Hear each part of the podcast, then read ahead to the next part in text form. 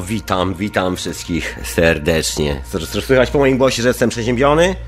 No właśnie, słychać, także ja, smarkający Tomasz, witam was serdecznie w hiperprzestrzeni tej pięknej soboty, tego wieczora, słuchajcie. Witam wszystkich e, na czacie, oczywiście Radia na Fali.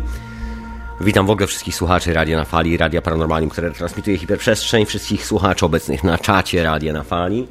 Słuchajcie, wpadajcie na czata Radia na Fali www.radionafali.com Jest jeszcze drugi czat alternatywny na Radio Paranormalium. Także kto co woli, słuchajcie, do wyboru, do wyboru. A może ktoś, jeżeli ma podzielną uwagę, lewa ręka na jednym radiu, prawa ręka na drugim radiu. Kto wie, kto wie. Może ktoś potrafi w ten sposób. Zapraszam.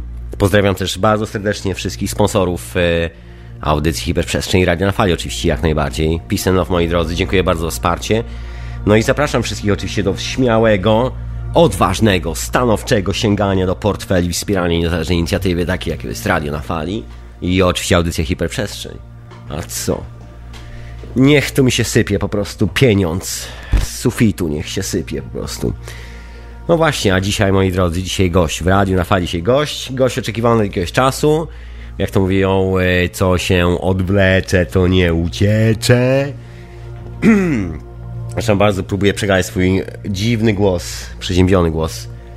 No a dzisiejszym gościem jest oczywiście Kuba Babicki, który już, już sekundę, już tutaj, już sekundę, już z nami.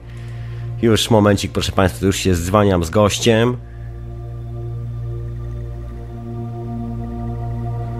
No właśnie, już się, już... Halo, halo, proszę Pana. Witam serdecznie. Halo? Jestem. Idealnie. Dobra. No dobra, jesteś już na antenie, także witam oficjalnie na antenie w Radio na Fali w hiperprzestrzeni. Witam serdecznie. Witam ponownie, bardzo miło mi ponownie gościć na falach. No, Radio. przyjemność po mojej stronie.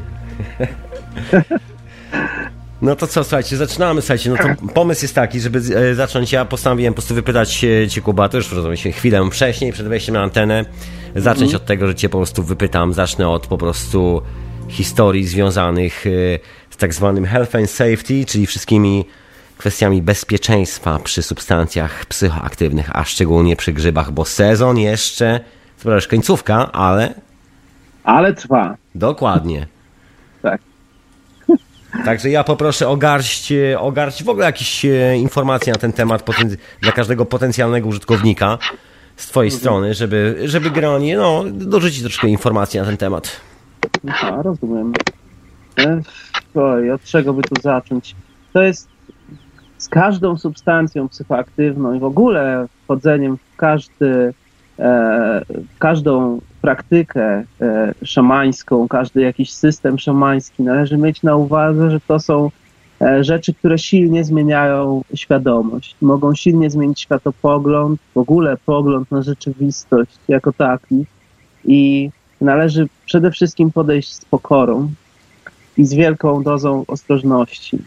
Należy uważnie dobierać dawki i pamiętać, że no jest takie słynne powiedzenie na Erowidzie, jest głównym chyba hasłem, że znaj swoje ciało i znaj substancję, jaką, jaką e, sobie aplikujesz. Niektórzy są bardziej wrażliwi na pewne substancje, niektórzy mniej. No i należy e, zaczynać zawsze od mniejszych dawek, aby sprawdzić, e, jak ciało, jak umysł, jak system nerwowy zareaguje na daną daną substancję lub grupę substancji. Jeśli przyjmujemy coś syntetycznego, wyizolowanego lub e, całą roślinę, która ma grupę substancji, różne frakcje alkaloidów, no, należy, należy przede wszystkim podejść z dużą dozą pokory, bo jeśli ktoś jest niewytrenowany i nieprzygotowany, no to taki psychodelik albo enteogen potrafi nim mocno, e, no, mocno wytrzepać jego umysł.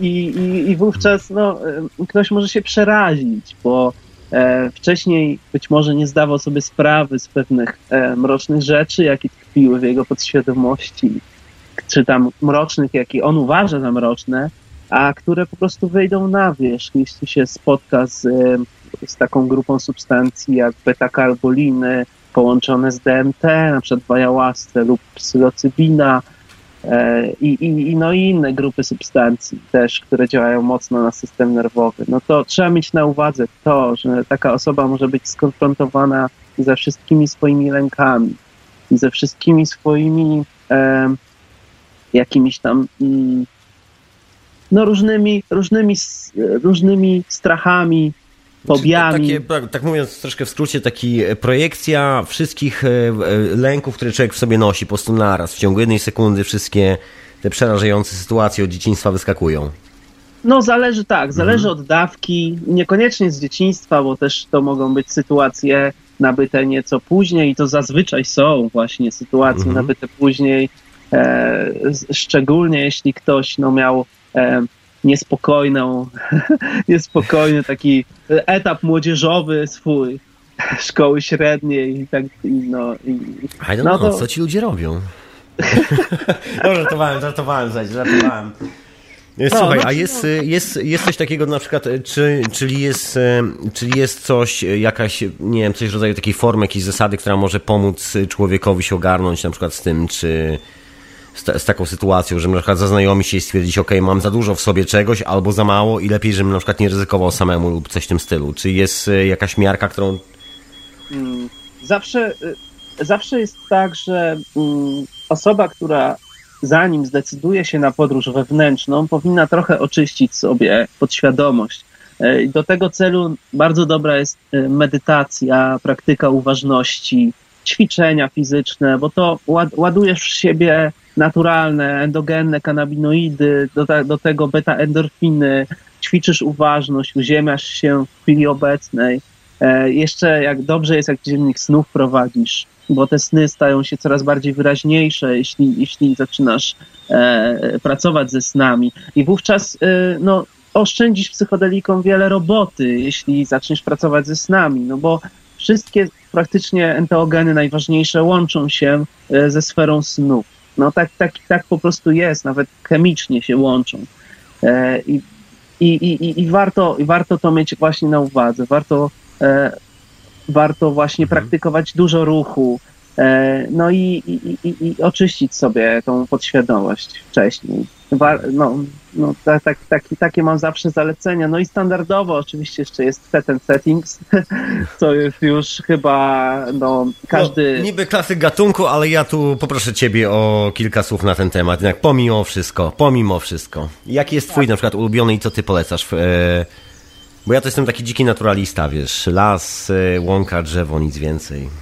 Tak, no ale enteogeny to lubią. Enteogeny lubią naturalne środowisko, lubią las, E, lubią spokój, przede wszystkim ciszę. Wiadomo, że im człowiek bliżej jest e, cywilizacji industrialnej i im bliżej miasta, tym więcej zakłóceń, tym więcej fali różnych tych, tych e, wyładowań elektromagnetycznych. Wiadomo, że ten, tam, tam, no to wszystko krąży w powietrzu. Jeszcze, no wiadomo, jeśli ktoś uznaje ideę pola morfogenetycznego i pól morficznych, no to wiadomo, że im, im bliżej tak, tak. Im bliżej większych, im bliżej większych skupisk ludzkich, tym więcej tych sygnałów, myśli, ładunków myślowych innych ludzi krąży w powietrzu i to też może mieć wpływ na doświadczenie. Dlatego często jak osoby nieprzygotowane biorą psychodeliki w mieście, E, okay. Jeszcze nie daj Boże, idą gdzieś do kina albo. Okej, okay, to, to, jest ta, to, to jest e, ta tajemnica, bo ja, ja, nigdy nie starałem się tej tajemnicy jakby sformułować, skąd się to bierze, ale jest coś takiego, że po grzybie po prostu wyrywa. Przynajmniej ja mam takie doświadczenie, że po prostu wyrywa do lasu. Ja mam taki tak. odruch, że organizm automatycznie szuka pierwszego drzewa, do którego można się przytulić. Tak, bo myślę, że e, taki enteogen, czy tam e, energia, jaka przemawia za, tą, za tymi substancjami, one chcą potencjalnie jak najwięcej wyciągnąć dla ciebie z tego doświadczenia.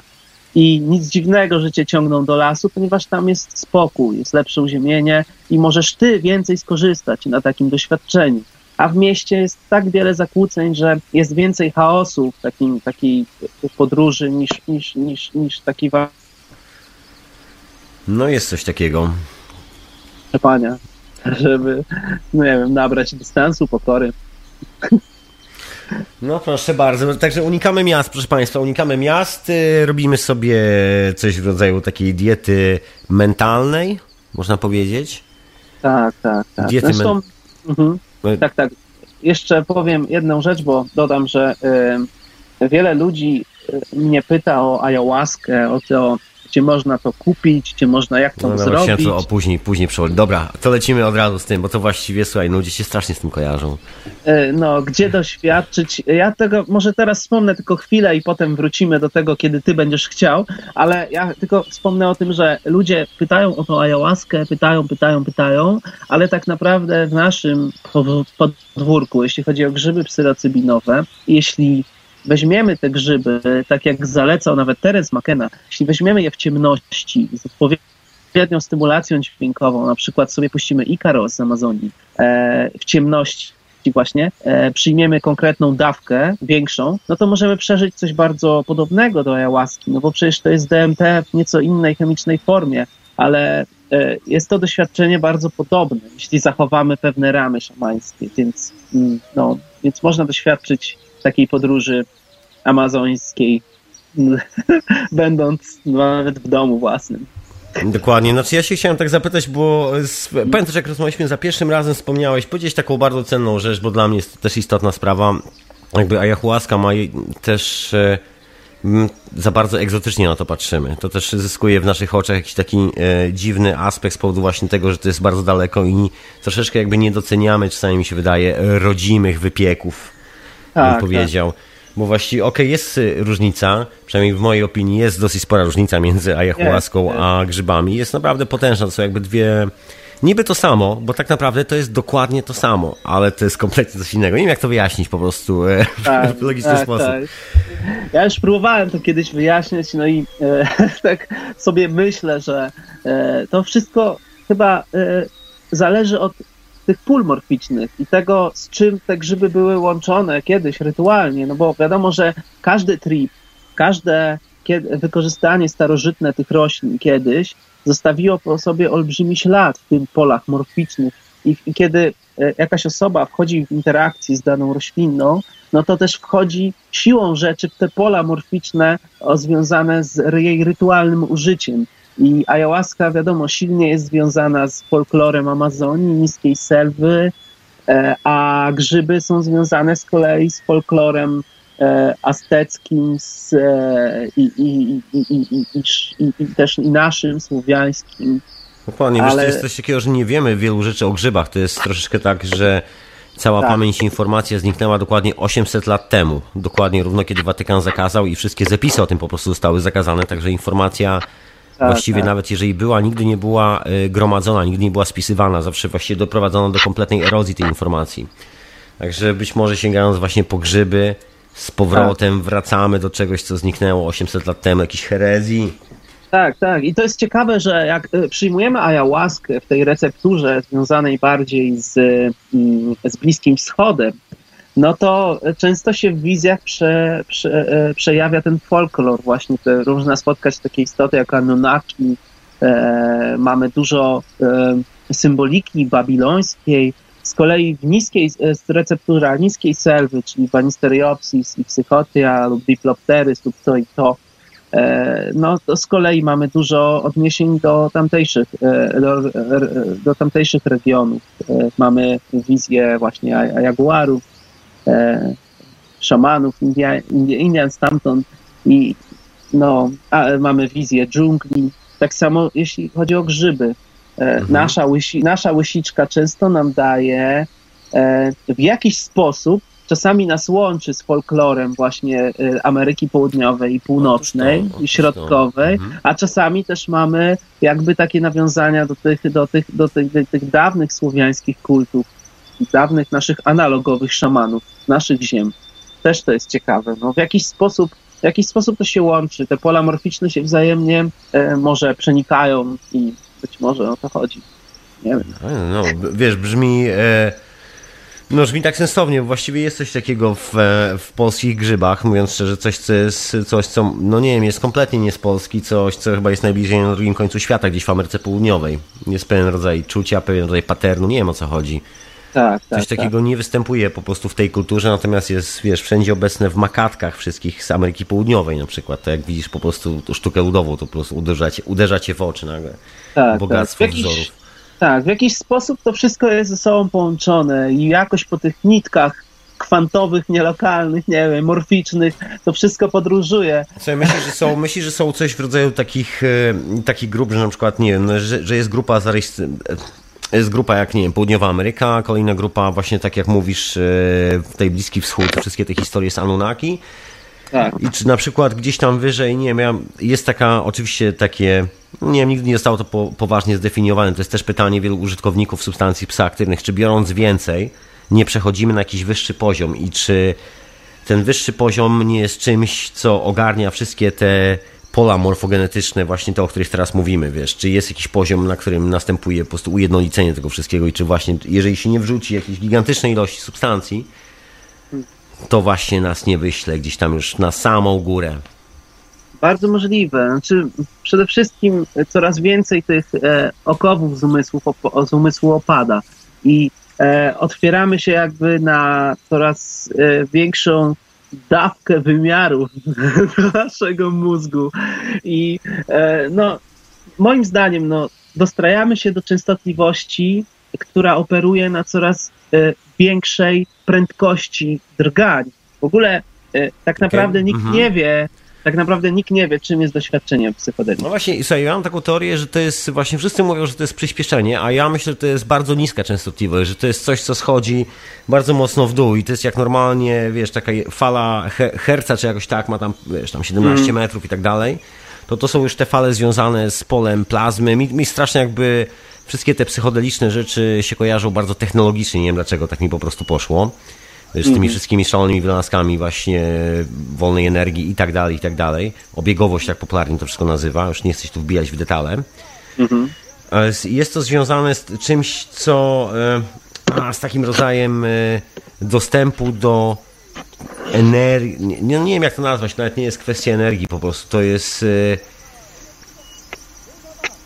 hmm no właśnie, i właśnie, i to po prostu tkwiłem właśnie, jak nie, to po prostu nie wszystko ma szans, Nie ma szans żadnych, bo to nawet nie, nie, wie, nie wiemy, czy to chodzi o zwolnienie, czy o przyspieszenie. Możemy sobie hipotetyzować, bo, jest, bo to jest tak olbrzymi zastrzyk dla wyobraźni. Ja z kolei ostatnio sobie rozważałem koncepcję doświadczenia psychodelicznego jako e, otwarcia się, skoro mhm. czas nie istnieje, otwarcie się na te wszystkie wymiary, wszystkie rzeczywistości, które dzieją się jednocześnie, na otwarcie się tej jakby pozornej przyszłości, która do nas e, przylatuje, jakby te psychodeliki e, jakby przewodziły promieniowanie z kosmosu, przewodziły tę energię, energię świe, świetlną z kosmosu, która przychodzi do nas z tych bardziej kompleksowych mhm. struktur i e, jakby e, nas dostraja tą, te, te cząsteczki światła, te cząsteczki słońca, które w nas krążą, bo w każdym z nas krąży pył gwiezdny, bo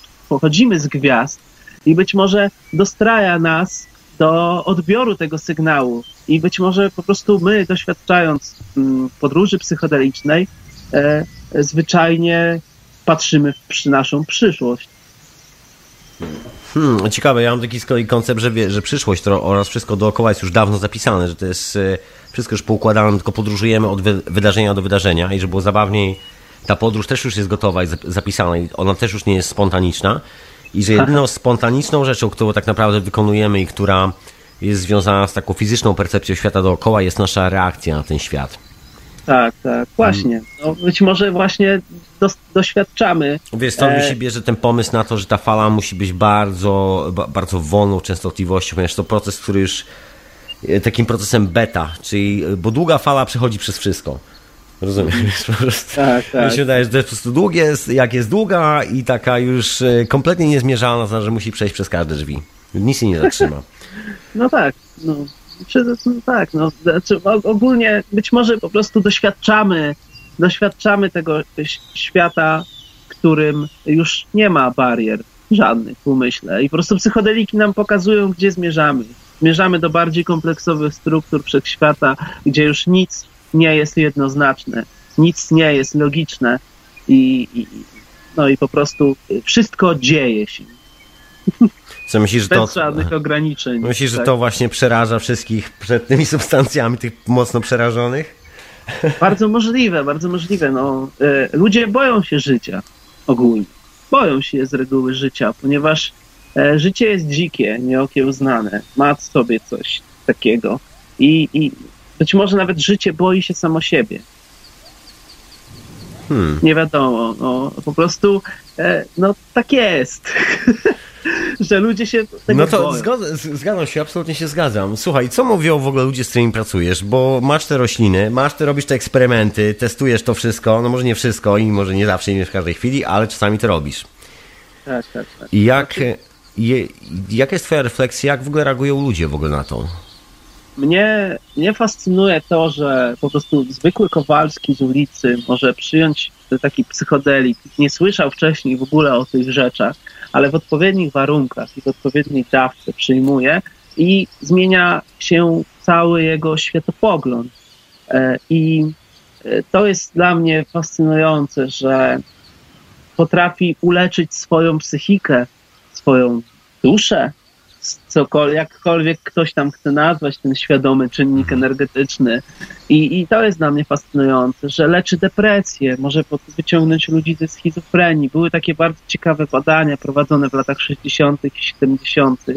e, na najbardziej agresywnych, znaczy najbardziej trudnych, ciężkich oddziałach psychiatrycznych dziecięcych, z najbardziej Mhm. ciężkimi autoagresywnymi, psychotycznymi e, e, przypadkami schizofrenii, autyzmu i różnych innych chorób psychicznych.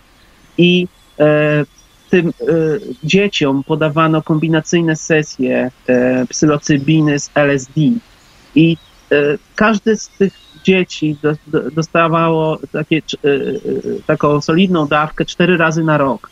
I Wow. wiele z tych dzieci udało się wyciągnąć, czyli z choroby, z autyzmu, Mhm. ze schizofrenii, odmazania kałem po ścianach, one normalnie uczęszczały później po tych sesjach do szkoły z normalnymi dziećmi, a potem włączali się do no, zwykłego życia społecznego, więc to jest e, coś olbrzymiego.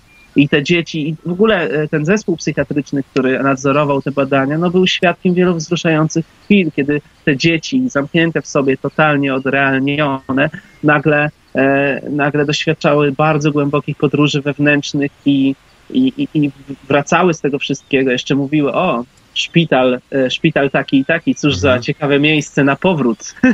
no Oh, i, i, uda, udawało się, więc to jest, to jest niesamowite. No i właśnie między innymi po tych badaniach, właśnie po tych rewolucyjnych potencjalnie e, rzeczach psychiatrii też zakazano wszelkiego badania nawet tych substancji przez naukowców. To też jest dla mnie trochę e, niesamowite. Wiesz, tu jest taka z tym, planuję zrobić w ogóle o tym audycję, bo to jest taka ciekawa historia, jest związana bardzo mocno z polityką, z dużymi pieniędzmi i było zabawniej CIA, właśnie jeżeli chodzi o zakaz i banowanie tych wszystkich substancji, bo tam był taki pomysł, który pochodził dosłownie od e, takiej książki science fiction, takiej noweli propagandowej, że wie, że wszyscy ma, że można zrobić człowiekowi pranie mózgu, że można przeprogramować mu pamięć. I się pojawiła grupa psychologów, która podjęła ten pomysł, bo się spodobał, taki, wiesz, koncept do, hej, spróbujmy, nie? No i, z, i w MK Ultra, tak się nazywał ten dział CIA, i oni robili eksperymenty z tymi, robili strasznie brutalne eksperymenty sobie z ludźmi, szprycowali ludzi LSD i w momencie piku takiego w- na LSD e, traktowali elektrowstrząsami. Tak, tak, a to nie tylko, jeszcze Nie- nie tylko, e, to jest masakra, tak, in, takie- indukowali, tak, indukowali stany dysocjacyjne, tworzyli alter osobowości. To ja słyszałem o MK Ultra, w ogóle No okult, okultyzm i wśród Dokładnie. elit i tak dalej, no to jest w ogóle temat rzeka. E, No i ja myślę, No. że to był główny powód, dla którego zakazano, bo się okazało, że wymknęło się spod kontroli, że nie możesz e, tym po prostu zniszczyć człowieka i wręcz e, jak na ironię okazuje się, że ten człowiek ciągle chce wrócić do siebie, do tej swojej naturalnej, zdrowej postaci. Tak, ale przede, tak, tak, przede wszystkim e, potencjalnie rewolucyjne wyniki w psychiatrii, w medycynie, wiele enteogenów to silne e, cytostatyki, silne substancje antynowotworowe. E, do tego działają na psychikę, na ducha. To jest, to, e, e, naukowcy pod wpływem tych substancji doznawali objawień, dzięki czemu przekładali te wyniki w laboratoria i osiągali wymierne, mierzalne e, potem e, wyniki w swoich pracach naukowych. Osiągali coś, coś namacalnego. czy, i, no i no, chyba musieli tego zakazać, bo to było zbyt niebezpieczne dla statusu quo. No teoretycznie takie rejsy, czyli, czyli takie, no, taka statystyka efektu, znaczy chorób wynikających teoretycznie z efektu placebo, bo z tego się bierze ponoć więcej, najwięcej schorzeń, z tego, że się czujemy jak się czujemy i, i tak nasz organizm zaczyna później sobie dobierać te wszystkie symptomy, no to jest jakieś 50% na rynku i nagle wchodzi substancja, która kasuje wszystkich, wszystkich ludzi, którzy mają ten problem. I nagle się okazuje, że połowa, bo to jest fizycznie po prostu połowa aptek, jeżeli nie 60%, a właściwie w dzisiejszych czasach 80% rynku farmaceutycznego jest automatycznie out, stary, bo 80% tego rynku to są znieczulacze tak, takie tak, osobowościowe, tak. rozumiesz? I nagle się tak. okazuje, że, że nagle po prostu coś, co przynosi największą kupę pieniędzy, to są biliony, to są rzeczy, które wiesz, są opatentowane, to są rzeczy, które są e, no nie wiem, jak przygotowane już do, wiesz, do, na kolejne 20 lat do produkcji. Wszystko jest oczywiście legalne, nie musisz mieć na to zezwolenia, możesz to sprzedać w każdym kiosku.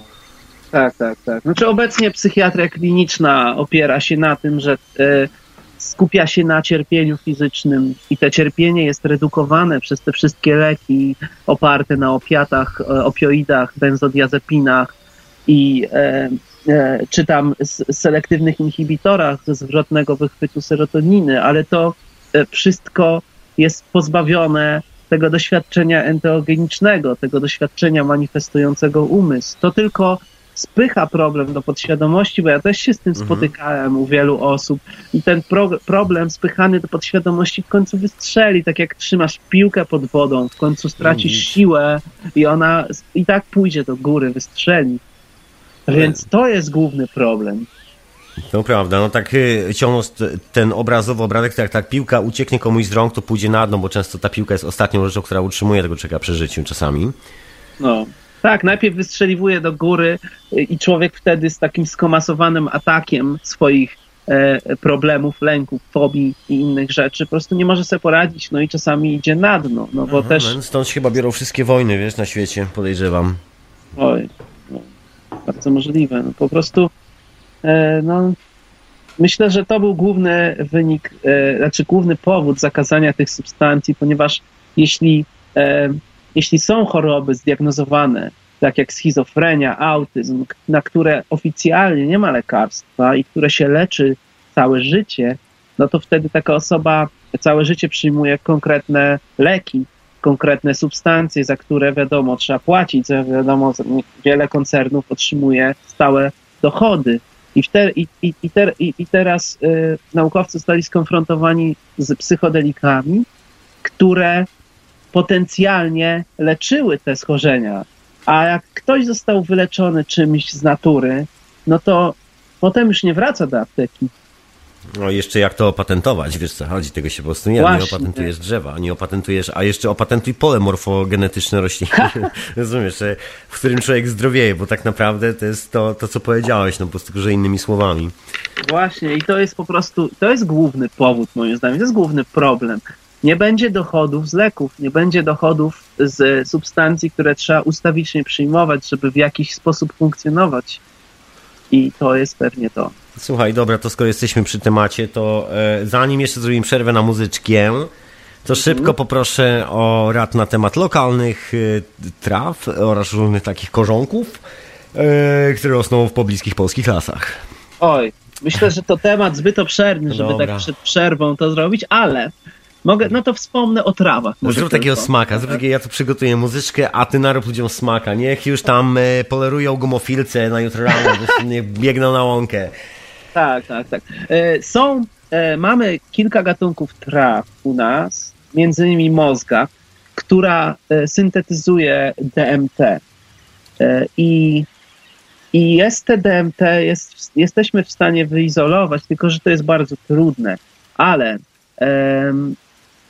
ale są raporty, które mówią, że ludzie gotowali te trawy, jeszcze na dodatek dodawali do tego inhibitory MAO, aby ten DMT z tych traw przedostało się przez barierę krew-mózg i osiągali efekty, mimo że to nie jest bezpieczne, mhm. ponieważ e, jest wiele innych substancji w tych trawach, między innymi 5 metoksy DMT, jest jeszcze gramina, która jest antagonistą receptora 5H2A serotoninowego, antagonistą, więc, więc no, może wywołać potencjalnie niebezpieczne interakcje. No ale ludzie mhm. eksperymentowali i przeżywali głębokie podróże. No i tak jak ty wspominałeś jeszcze przed wejściem na antenę, mhm. e, twój znajomy ugotował sobie takiej trawy, e, nie, nie, nie, nie, nie przeżył e, jakiegoś tam tripu psychodelicznego, ale pozbył się depresji. To też jest ważne. Indie, to prawda. Tak, więc mamy mozgę trzcinowatą, Palaris arundinacea, mamy Palaris aquatica, inna, inna nazwa Polaris tuberosa. Mamy inne trawki, które e, tropikalne, które u nas też są sadzone w ogrodach, między innymi trzcina laskowa, Rundodomax, która zawiera nawet e, ponad 1% DMT kłączu, więc to jest wow. bardzo dużo. To jest bardzo dużo, tak. Mamy Polaris canariensis, mozgę kanaryjską, która też zawiera sporo DMT, więc nie, e, DMT w trawach to jest w ogóle bardzo ciekawa rzecz, ponieważ trawy to jest królestwo roślin, które zdominowano całkowicie tą planetę. Jeśli chodzi o rośliny, to tak jakby biosfera głównie doświadcza e, e, doświadcza innych gatunków zwierząt i, i, i, i, ludzi przez trawy. No to tak jak nasze włosy, można powiedzieć dokładnie po prostu. Tak, tak, tak. I jestem bardzo ciekaw, e, jak działa DMT z traw. Nie miałem jeszcze okazji spróbować DMT z trawy, czystej, wyizolowanej, ale myślę, że by to było ciekawe. W ogóle mam taką koncepcję, że DMT w trawach jest jakby najsilniejsza znana człowiekowi molekuła psychodeliczna na Ziemi, która występuje w trawach, e, może oznaczać, że w tej biosferze dzieje się coś więcej, że być może to jest jakieś echo e, tego, że rośliny wskoczyły w toku ewolucji na wyższy poziom istnienia. I, i, i to jest jakby jakaś, jakaś pozostałość po tym, tej nadprzestrzeni, w której się te rośliny poruszają. Właśnie obecność DMT, tej hipersonicznej molekuły, która e, pozwala przymierzać osobowość, przymierzać czas i przestrzeń no, być może to jest jakiś, ja, jakiś też, ja też oczami wyobraźni widzę rysunki na skalne, są te postacie z oczami, znaczy z głowami na przykład byków, ludzkie postacie z głowami byków. Na przykład wszystkie, jeżeli przyjrzysz się tak sobie słucham tego, co mówisz i jeżeli przyjrzysz się na rysunki na skalne, to w większości są to zwierzęta żyjące na sawannie. Takiej, hmm. takiej dosyć, że tak powiem, zielonej sawannie, takiej e, bardzo, że tak powiem, pustynnej. Tylko no, większość tych zwierząt to, no i są generalnie, jest, jest kilka teorii na ten temat, jest e, jak się nazywa, Joe Mark, o, zapomniałem nazwiska teraz człowieka, który napisał książkę na ten temat. Mhm. E, są takie podejrzenia, że właściwie jest to związane z naszym rozwojem intelektualnym i że jest to związane z substancjami psychoaktywnymi, wszystkie te malunki w jaskiniach. Generalnie, tak. mówiąc tak prosto, prosto z mostu, to malunki po tripach. Wiesz, ktoś zjadł tak. dużą ilość grzybów, no i zaczynał malować wszystkie te, tudzież po tripie, kiedy wracał z tripu, zaczynał malować y, część przedstawień, które, czy informacji, która do niego dotarła. I że to są właśnie malunki naskalne, że mają jakby takie znaczenie.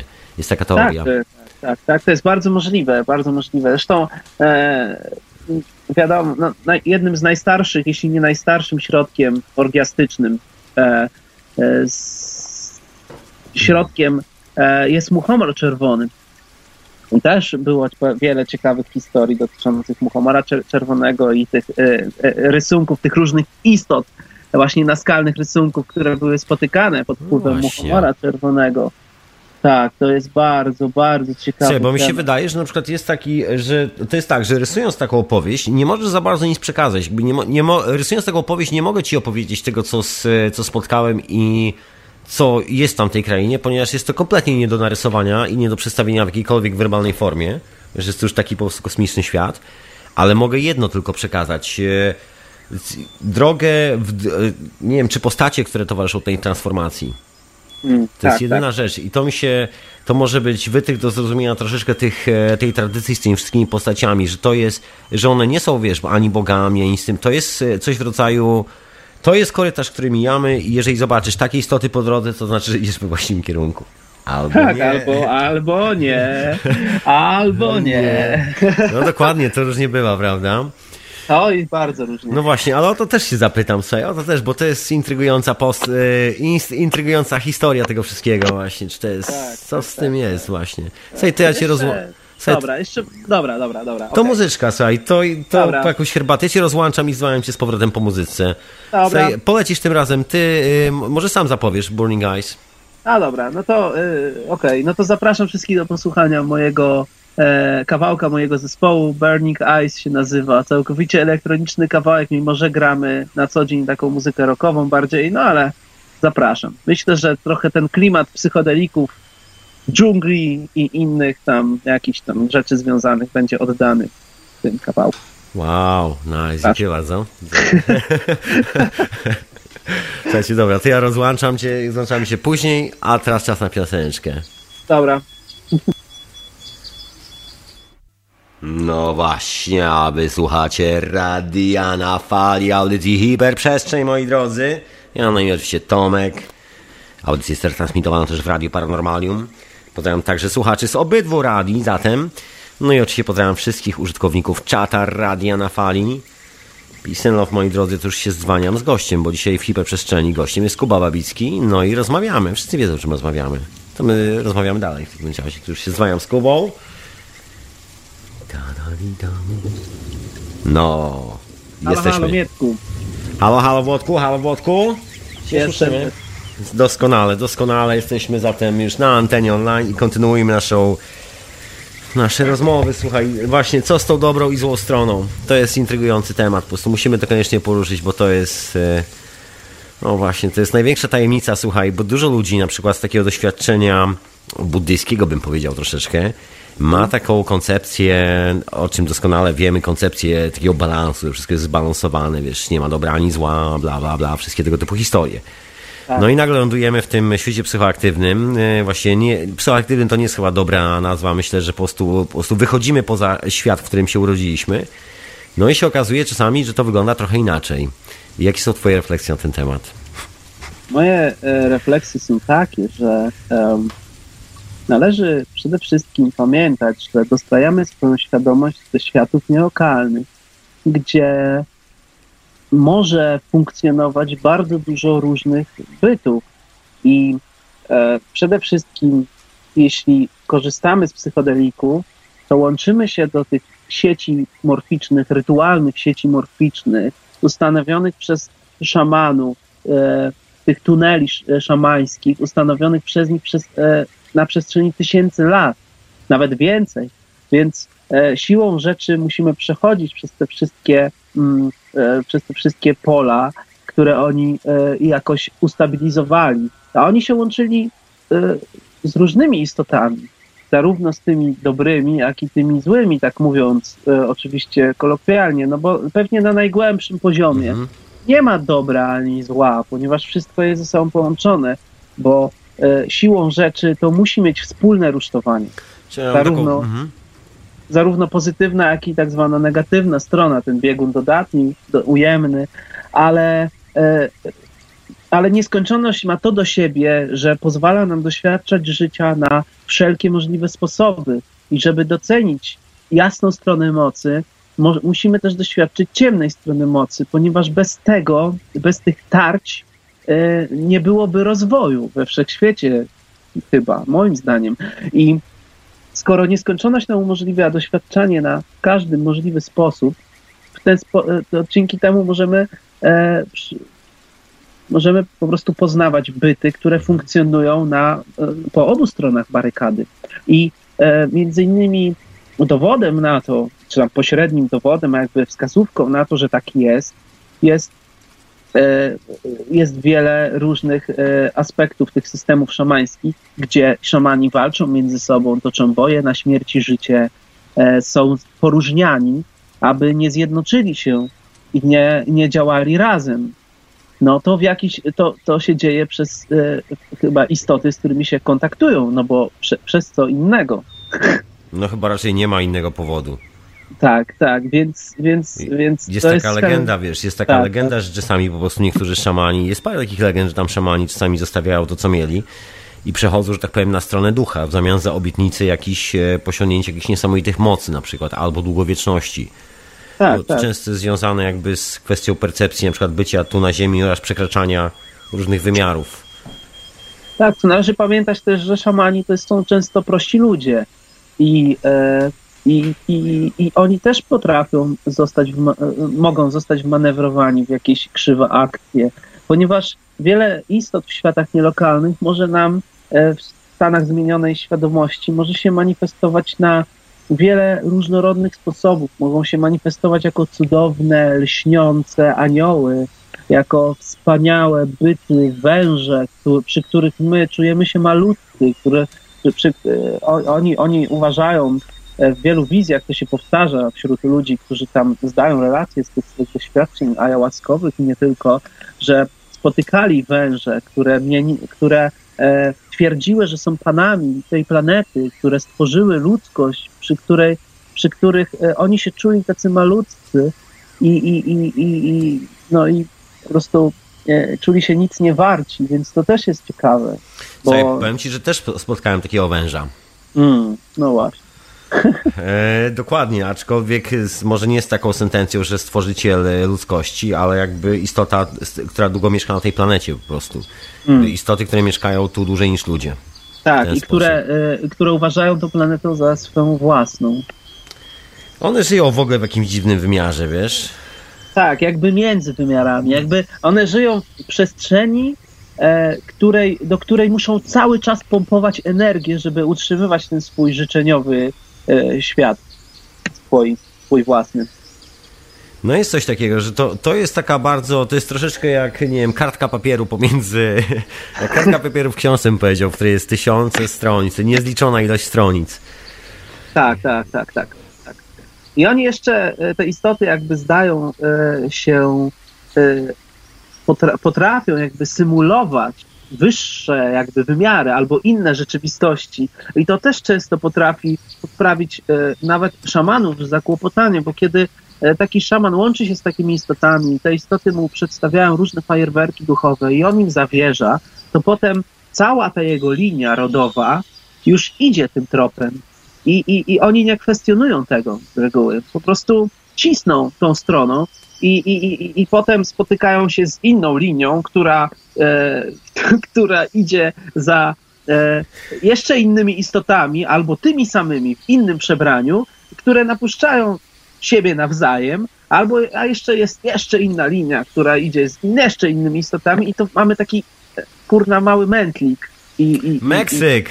I, Meksyk! Tak. No, mały Meksyk mamy i, i w końcu dlatego, dlatego e, często ludzie e, bardzo gloryfikują szamanizm południowoamerykański, ayahuaskę, lecą tam i nieważne gdzie, nieważne z kim, ayahuaska, silne narzędzie do zmiany osobowości, do przemiany duszy, e, no i po prostu piją tą ayahuaskę, nie wiedzą nawet, co jest w jej składzie, nie wiedzą, jaka jest receptura, nie wiedzą dokładnie, z kim piją.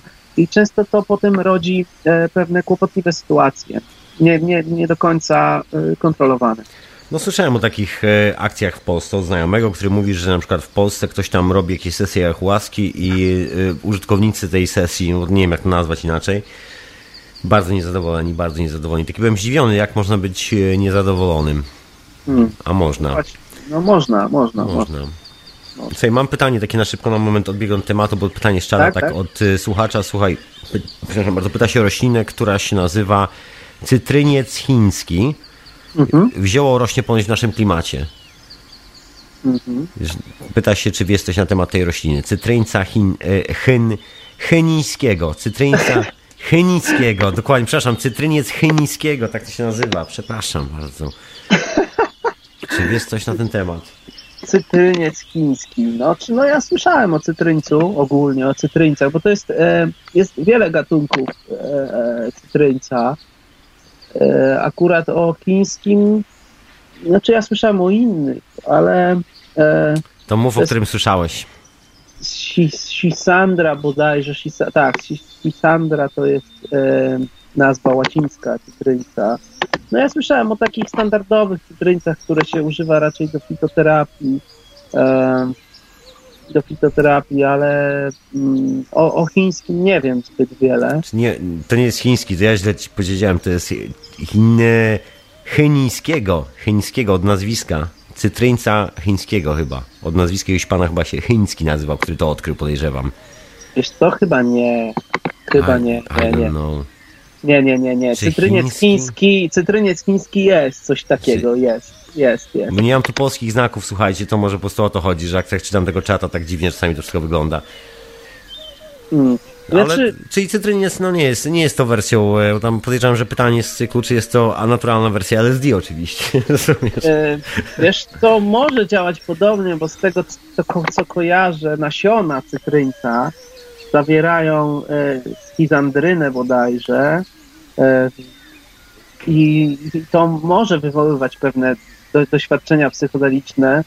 Mm, Czy ogólnie w, w medycynie takiej tradycyjnej to e, cytryńca używano do zwiększenia swojej czujności, do poprawy jakby widzenia w ciemnościach i e, znaczy to jest cytryniec to jest taka typowa roślina, która e, zwiększa, e, funk- symuluje funkcje kognitywne, czyli na przykład znosi Mhm. zmęczenie, mm, no po prostu działa tak, tak stymulująco, ale czy to działa jak, jak kwas, to bym polemizował, ale na pewno w większej dawce można uzyskać ciekawe efekty.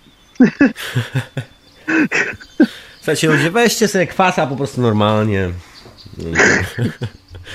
Dokładnie, to ja tak z tymi substytutami to tak trochę, wiesz co, nie wierzę w takie substytuty, rozumiesz? Albo, Tak, albo tak. konkretna roślina, albo, albo nie po prostu i tyle. Bo takie Czy jest, jest ogólnie, ogólnie e, świat roślin jest tak obszerny, tak bogaty, że to jest dla mnie trochę przerażające dla osoby, która się tym zajmuje i to bada, bo ja bym chciał wszystko poznać, a wiem, że nie dam rady, po prostu nie dam rady, ponieważ niektórzy botanicy poświęcają całe swoje życie, żeby zbadać na przykład tylko jedną rodzinę roślin albo tylko trawy i, i, i, no i badają to całe życie. A my tu mówimy o, e, o kilkaset, kilkuset tysiącach gatunków roślin. Każda na swój sposób działa. Każda była wykorzystywana mniej lub bardziej w medycynie tradycyjnej. Wiele z tych roślin no, e, nie, nie, nie poznano składu chemicznego. Po prostu jest tak olbrzymia różnorodność, że być może mamy substytuty w świecie roślinnym dla każdej substancji, jaką znamy obecnie pod takimi e, nazwami jak LSD, psylocybina, bo no, czę- często Wiesz, to jest taki trochę święty gral, żeby znaleźć taką roślinę. Gdzieś nagle przez przypadek się okazuje, że jedna z tych roślin, która jest wszędzie i o której nikt nigdy nic nie wiedział, wiesz co chodzi, jakiś święty gral, nagle się okazuje, że ona ma niesamowite właściwości psychoaktywne i że właściwie jest chwastem, który rośnie dosłownie wszędzie. I to nawet, i to już tak, Tak, ekstremalnie wszędzie. I co najważniejsze, nie trzeba z nim robić nic specjalnego, bo to jest zwykle największa granica pomiędzy człowiekiem a rośliną, że trzeba ją przygotować. e, Ogólnie, przyrządzić. Ogó- ogólnie ostatnio e, powstał nowy raport na temat e, całkiem nieznanej rośliny dotąd e, psychoaktywnej. Nazywa się, nazywa się Gaulteria inspida, zwana inaczej ciczaka.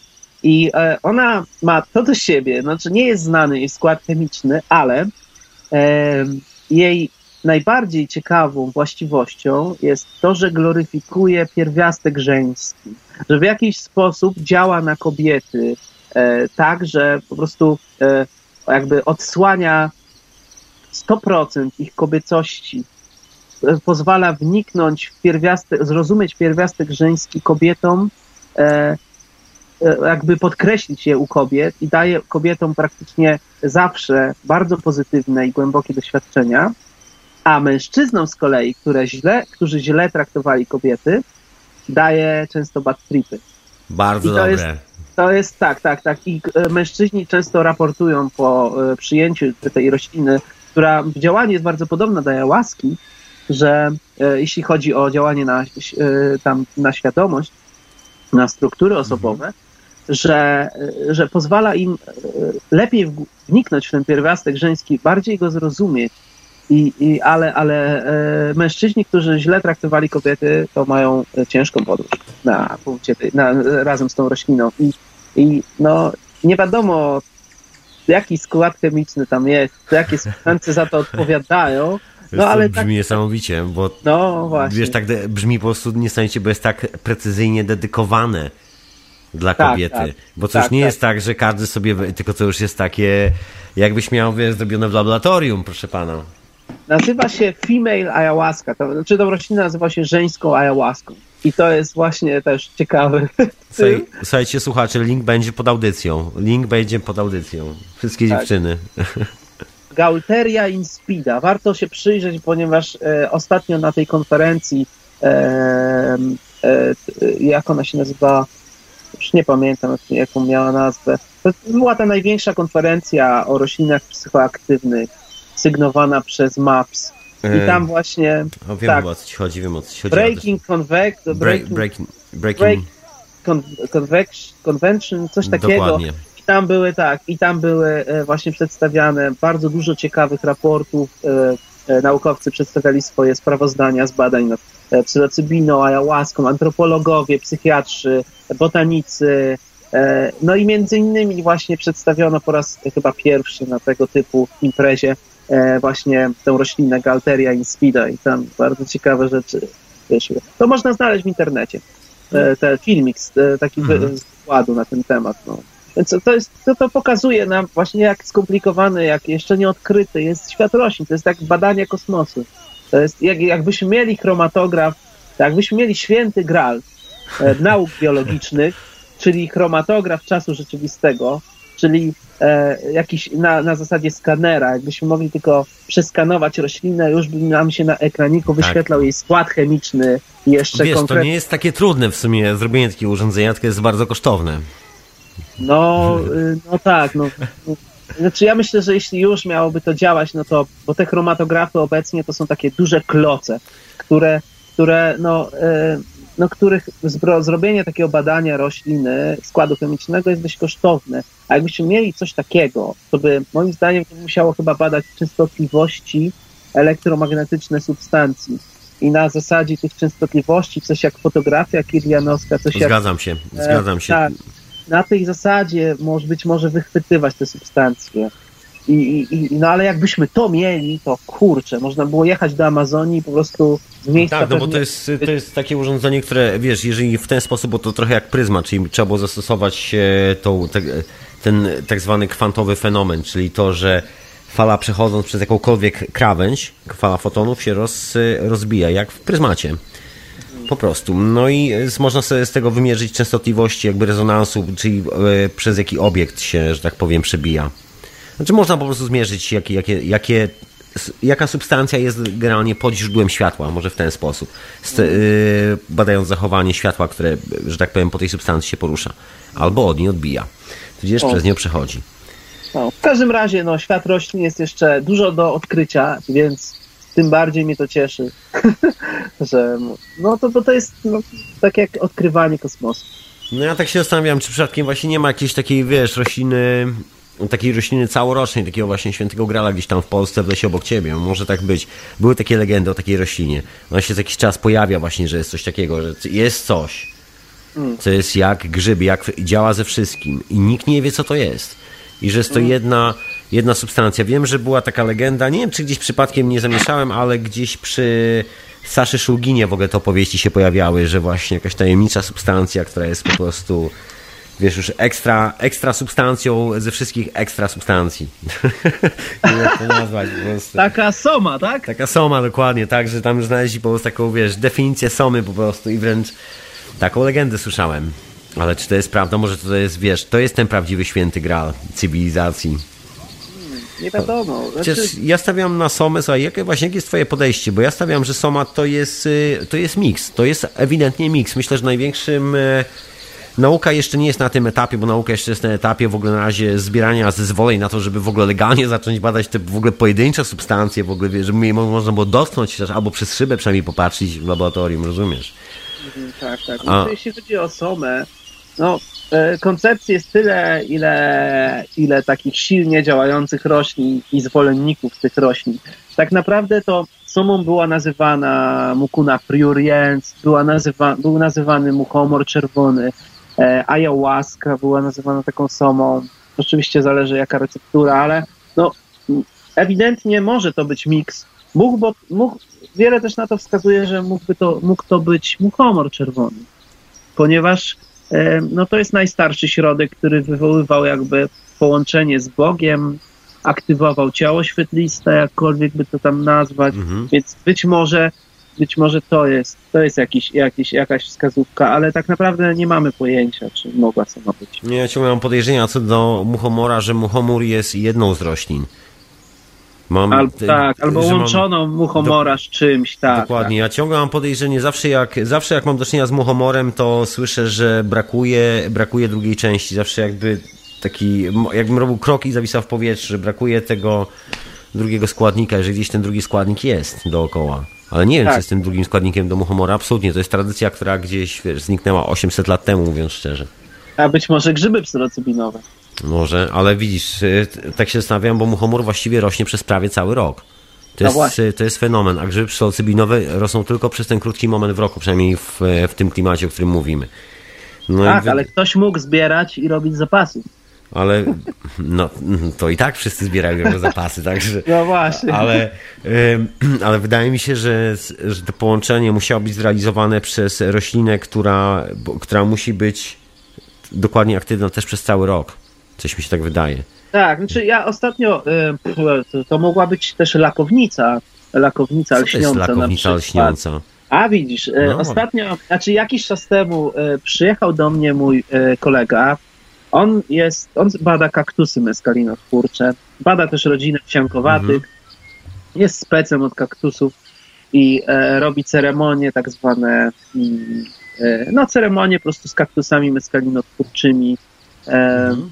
i, e, i przyniósł, przywiózł mi bardzo ciekawą miksturę do spróbowania.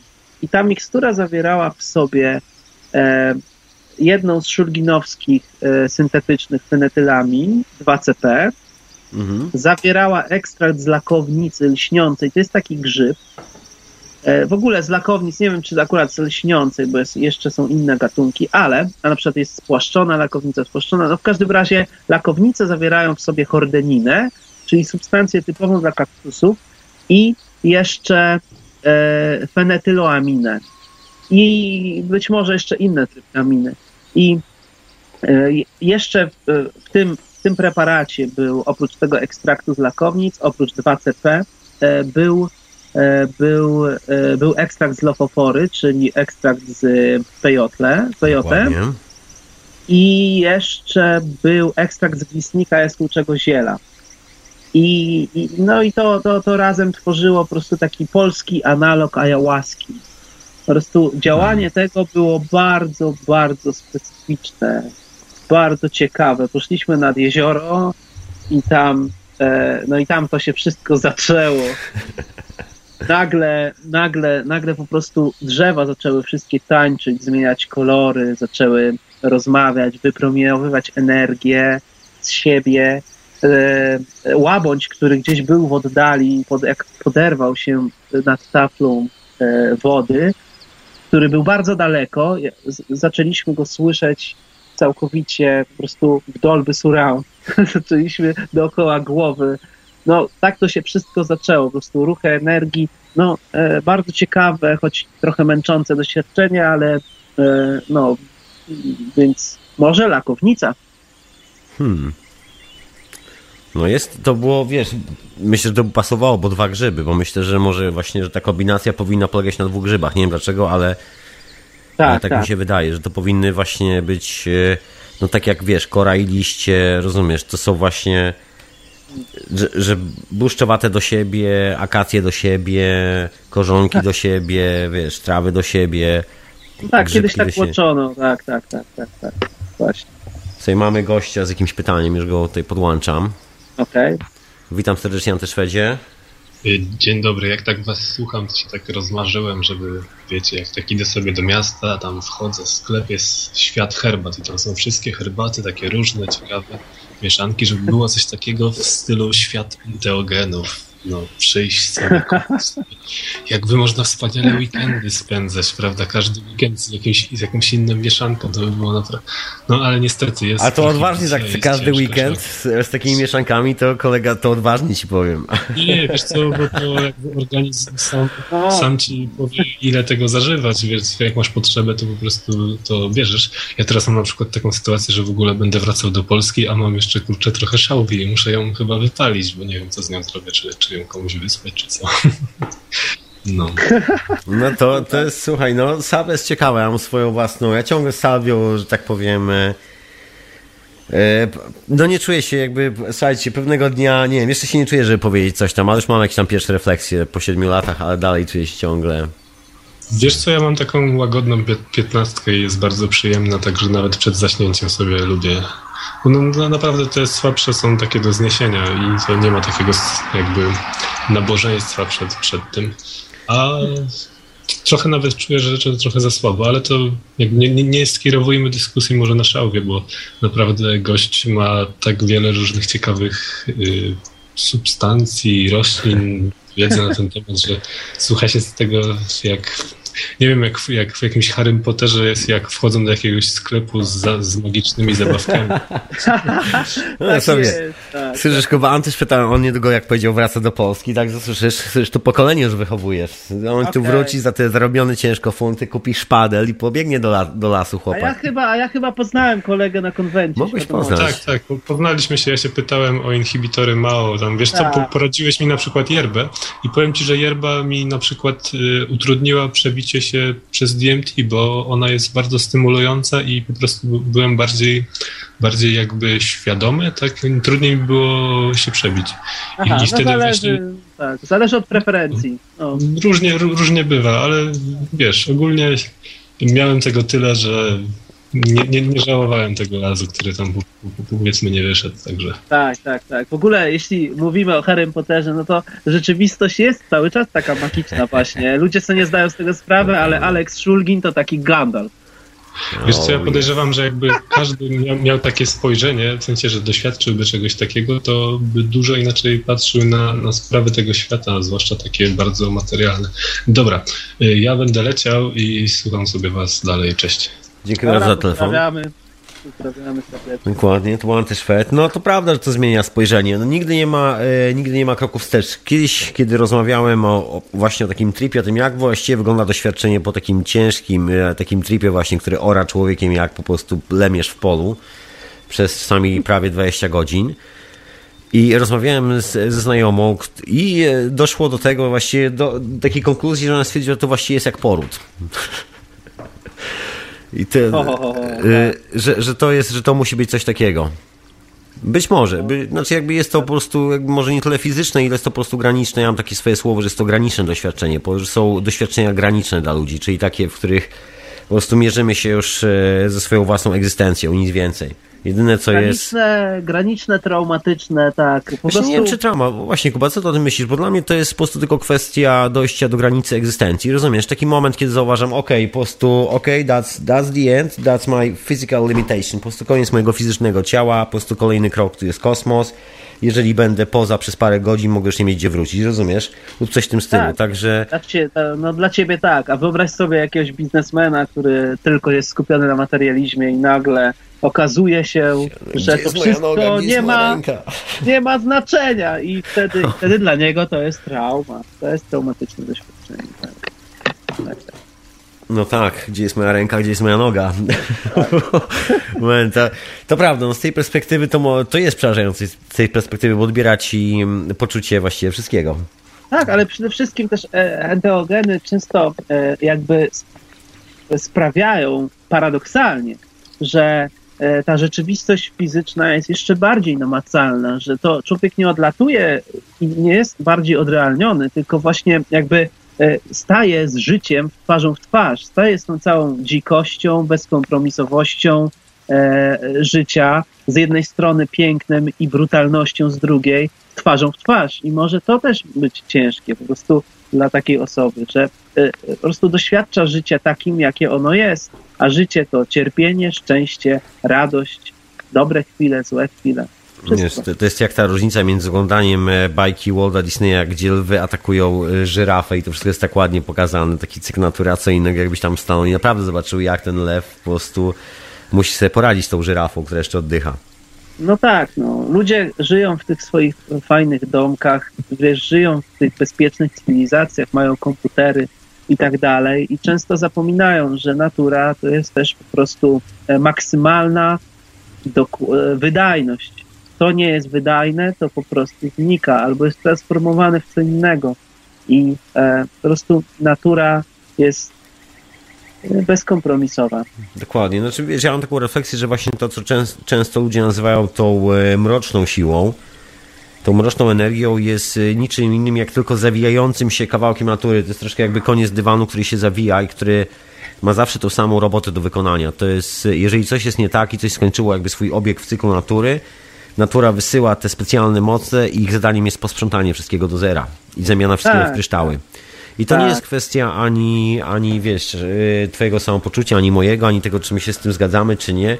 Jeżeli moc jest niewłaściwa, albo są jakieś luki energetyczne w tej strukturze energetycznej, natura od razu wysyła tam na przykład grzyby, które zjadają wszystko, co się da, po prostu dookoła, robiąc, po prostu czyszcząc miejsce. Na cokolwiek, co tam będzie, ale coś tam będzie nowego, ale już nie będzie tego starego. No tak, wszystkie- natura potrafi sama o siebie zadbać doskonale. Dokładnie. Jedyny problem, jaki czasami, wiesz, przy takich dużych tripach, ja na przykład obserwuję, to jest taki moment, że, y, że czasami człowiek staje właśnie na samym końcu tego dywanu i y, zamiast po prostu zrobić te dwa kroki do przodu, to jakby dealuje z tymi mocami, które, które, których zadaniem jest sprzątanie po prostu już spraw załatwionych. To nie jest takie, jakby wiesz, dywan, dywan rozwija się z przodu, a zwija z tyłu. W ten Aha, sposób. tak. Tak bym to określił troszeczkę. Jakby, że są moce, które, które odpowiadają za, wiesz, wzrost natury i to jest jak zrobić dwa kroki do przodu, to jesteś w, tym, w tej czołówce natury, która się ciągle rozwija, otwiera i tak dalej. Jeżeli zrobisz dwa kroki do tyłu, to jest właśnie ten moment, gdzie natura się elegancko zamyka. Tak, tak, tak. Nasz psychodeliki jakby pozwalają nam zajrzeć e, e, głębiej w te całe przedstawienie zwane ewolucją, ten cały proces. I niektórzy po prostu mogą przeżyć szok, no, kiedy okazuje się, że e, im głębiej w króliczą norę, tym e, bardziej ta królicza nora przestaje e, być jakby fizyczna, być namacalna, przestaje istnieć. No, Ja to- ja mam ten problem, ja mam ten pro, znaczy problem, to nie jest problem dla mnie, ale e, no, sam miałem, że im głębiej wchodziłem w tę króliczą norę, tym potem musiałem częściej zastanawiać, czy ona w ogóle istnieje. Aż w końcu okazało się, że chyba nie istnieje. Hmm, ciekawe, ciekawe. No intrygujące. Ja mam z kolei, z, e, z kolei z, no właśnie z Salvio taką historię, że Salvio pokazuje mi e, końcówkę dywanu, pokazuje mi, wiesz, zawsze moce, które, w sposób w jaki moce pracują właśnie na zasadzie właśnie takich przykładów z końca dywanu, jak to się elegancko wszystko składa do kupy, transformuje, zamienia i że zanim to się, wiesz, i podróżuje sobie dalej do przodu, otwierając się w czymś nowym kompletnie. Tak, tak. Taki, y, taki wie- wiesz, no klasyczna kwestia po prostu związana z transformacją.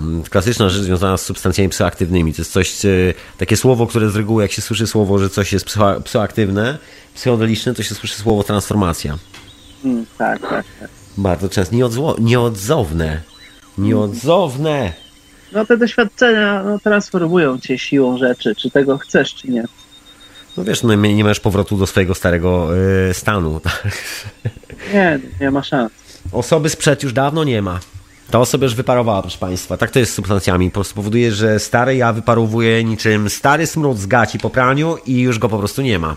Tak, ale ja każdemu y, właśnie polecam przyjrzeć się temu, co pozostaje w tym całym y, doświadczeniu niewzruszone. A to jest życie samo w sobie. Po prostu niezależnie od tego, co się dzieje, co nam krąży w synapsach, e, co myślimy sobie, jaka epoka jest w danym momencie na Ziemi, życie tu cały czas jest. I cały czas będzie nieodzowne. Po prostu. I, i, i e, każdemu, kto jest y, jakby e, chętny, mo- mocnych wrażeń, jeśli czuje, że go wzywają psychodeliki, okej, niech spróbuje, ale też niech pamięta, że ta, ten jakby e, mm, fenomen życia, cud życia, życie, żywotność, która tutaj e, przepływa przez wszystko, co istnieje, cały czas tu jest. Ona nie ucieka, ona masz, masz tajemnicę, masz cały czas przed oczami. To jest, to jest e, e, nie wiem, wy, wyjść na spacer do lasu, e, powąchać jesień w lesie, wykopać jakiś korzeń rośliny, posiedzieć, schować się przed całym światem i doświadczać tego życia. E, iść, nie wiem, iść e, mm, na spacer do parku, posłuchać śpiewu ptaków. Ja to na, przykład, jak byłem w Amazonii, e, moje najsilniejsze doświadczenie wcale się nie wiązało z ayahuaską, ani z praktykami szamańskimi, tylko y, wiązało się z bardzo prostym, przyziemnym doświadczeniem, e, kiedy w nocy w środku dżungli leżałem sobie na hamaku, miałem takie małe radyjko i próbowałem z trudem złapać jakąkolwiek stację.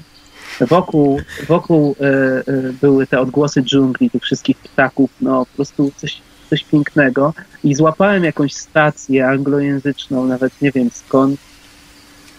I, e, i, i wtedy i był tam program, audycja o planetach. Po prostu rozmawiano o planetach, o układzie słonecznym, o kosmosie i po prostu dla mnie sama ta sytuacja, kiedy ja w środku dżungli siedzę, słucham jakiejś audycji, odgłosów dżungli, audycji o kosmosie, to było dla mnie tak potężne doświadczenie, czy potężne, po prostu tak uziemiające, że e, to, to, to jest najpotężniejsze doświadczenie, jakie zapamiętałem z pobytu w Amazonii, mimo że miałem innych wiele bardzo, bardzo jakby, no in, dla, dla, dla wielu potężnych, potężne doświadczenia, ale to było po prostu coś, coś absolutnie magicznego.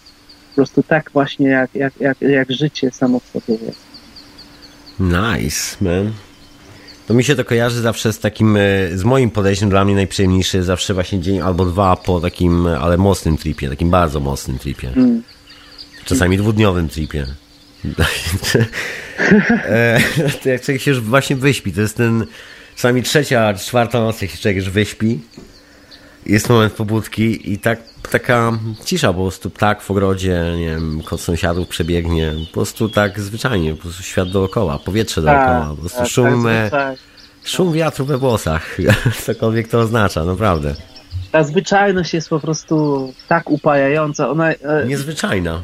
tak, tak, bo być, być może my cały czas jesteśmy na jednym wielkim psychodelicznym tripie. Ja się bałem, że już tak już mam, wiesz, się bałem, że już po Tak. prostu tak, e, znaczy nie obałem, tylko właściwie to jest ta rzecz, która mnie cieszy, że te właśnie doświadczenia doprowadziły mnie do tego momentu, że mam e, tą łatwość odczuwania tego tak po prostu, zwyczajnie. Tak, tak, tak. Wiesz, ma to swoje mankamenty oczywiście w niektórych sytuacjach, No tak. kiedy, kiedy trzeba się bardzo mocno skleić ze światem e, mocnego, realistycznego konformizmu. Jest to po prostu momentami, man, it's a tough job to do. Może być, może być trudny, tak. Ale wiesz, da się, da się. Znaczy na sprawę, że nie ma powrotu właściwie tak naprawdę, to też jest druga historia, także nie masz gdzie wracać. To... Jeśli w ogóle możesz z tego wyjść, do tego pracy, Dokładnie. Po prostu zacznijmy może po prostu od tego. Dokładnie, proszę pana. no właśnie. To może jakąś muzyczkę po prostu. My za- zamilknijmy na chwilę, zostawmy słuchaczy, niech chwilę podumają sobie z tymi refleksjami. Dobrze, ja spoko. Też sobie podumamy z refleksjami i wracamy oczywiście po muzyce. Jakieś sobie doleję herbaty i tak Dobra. dalej. Dobra.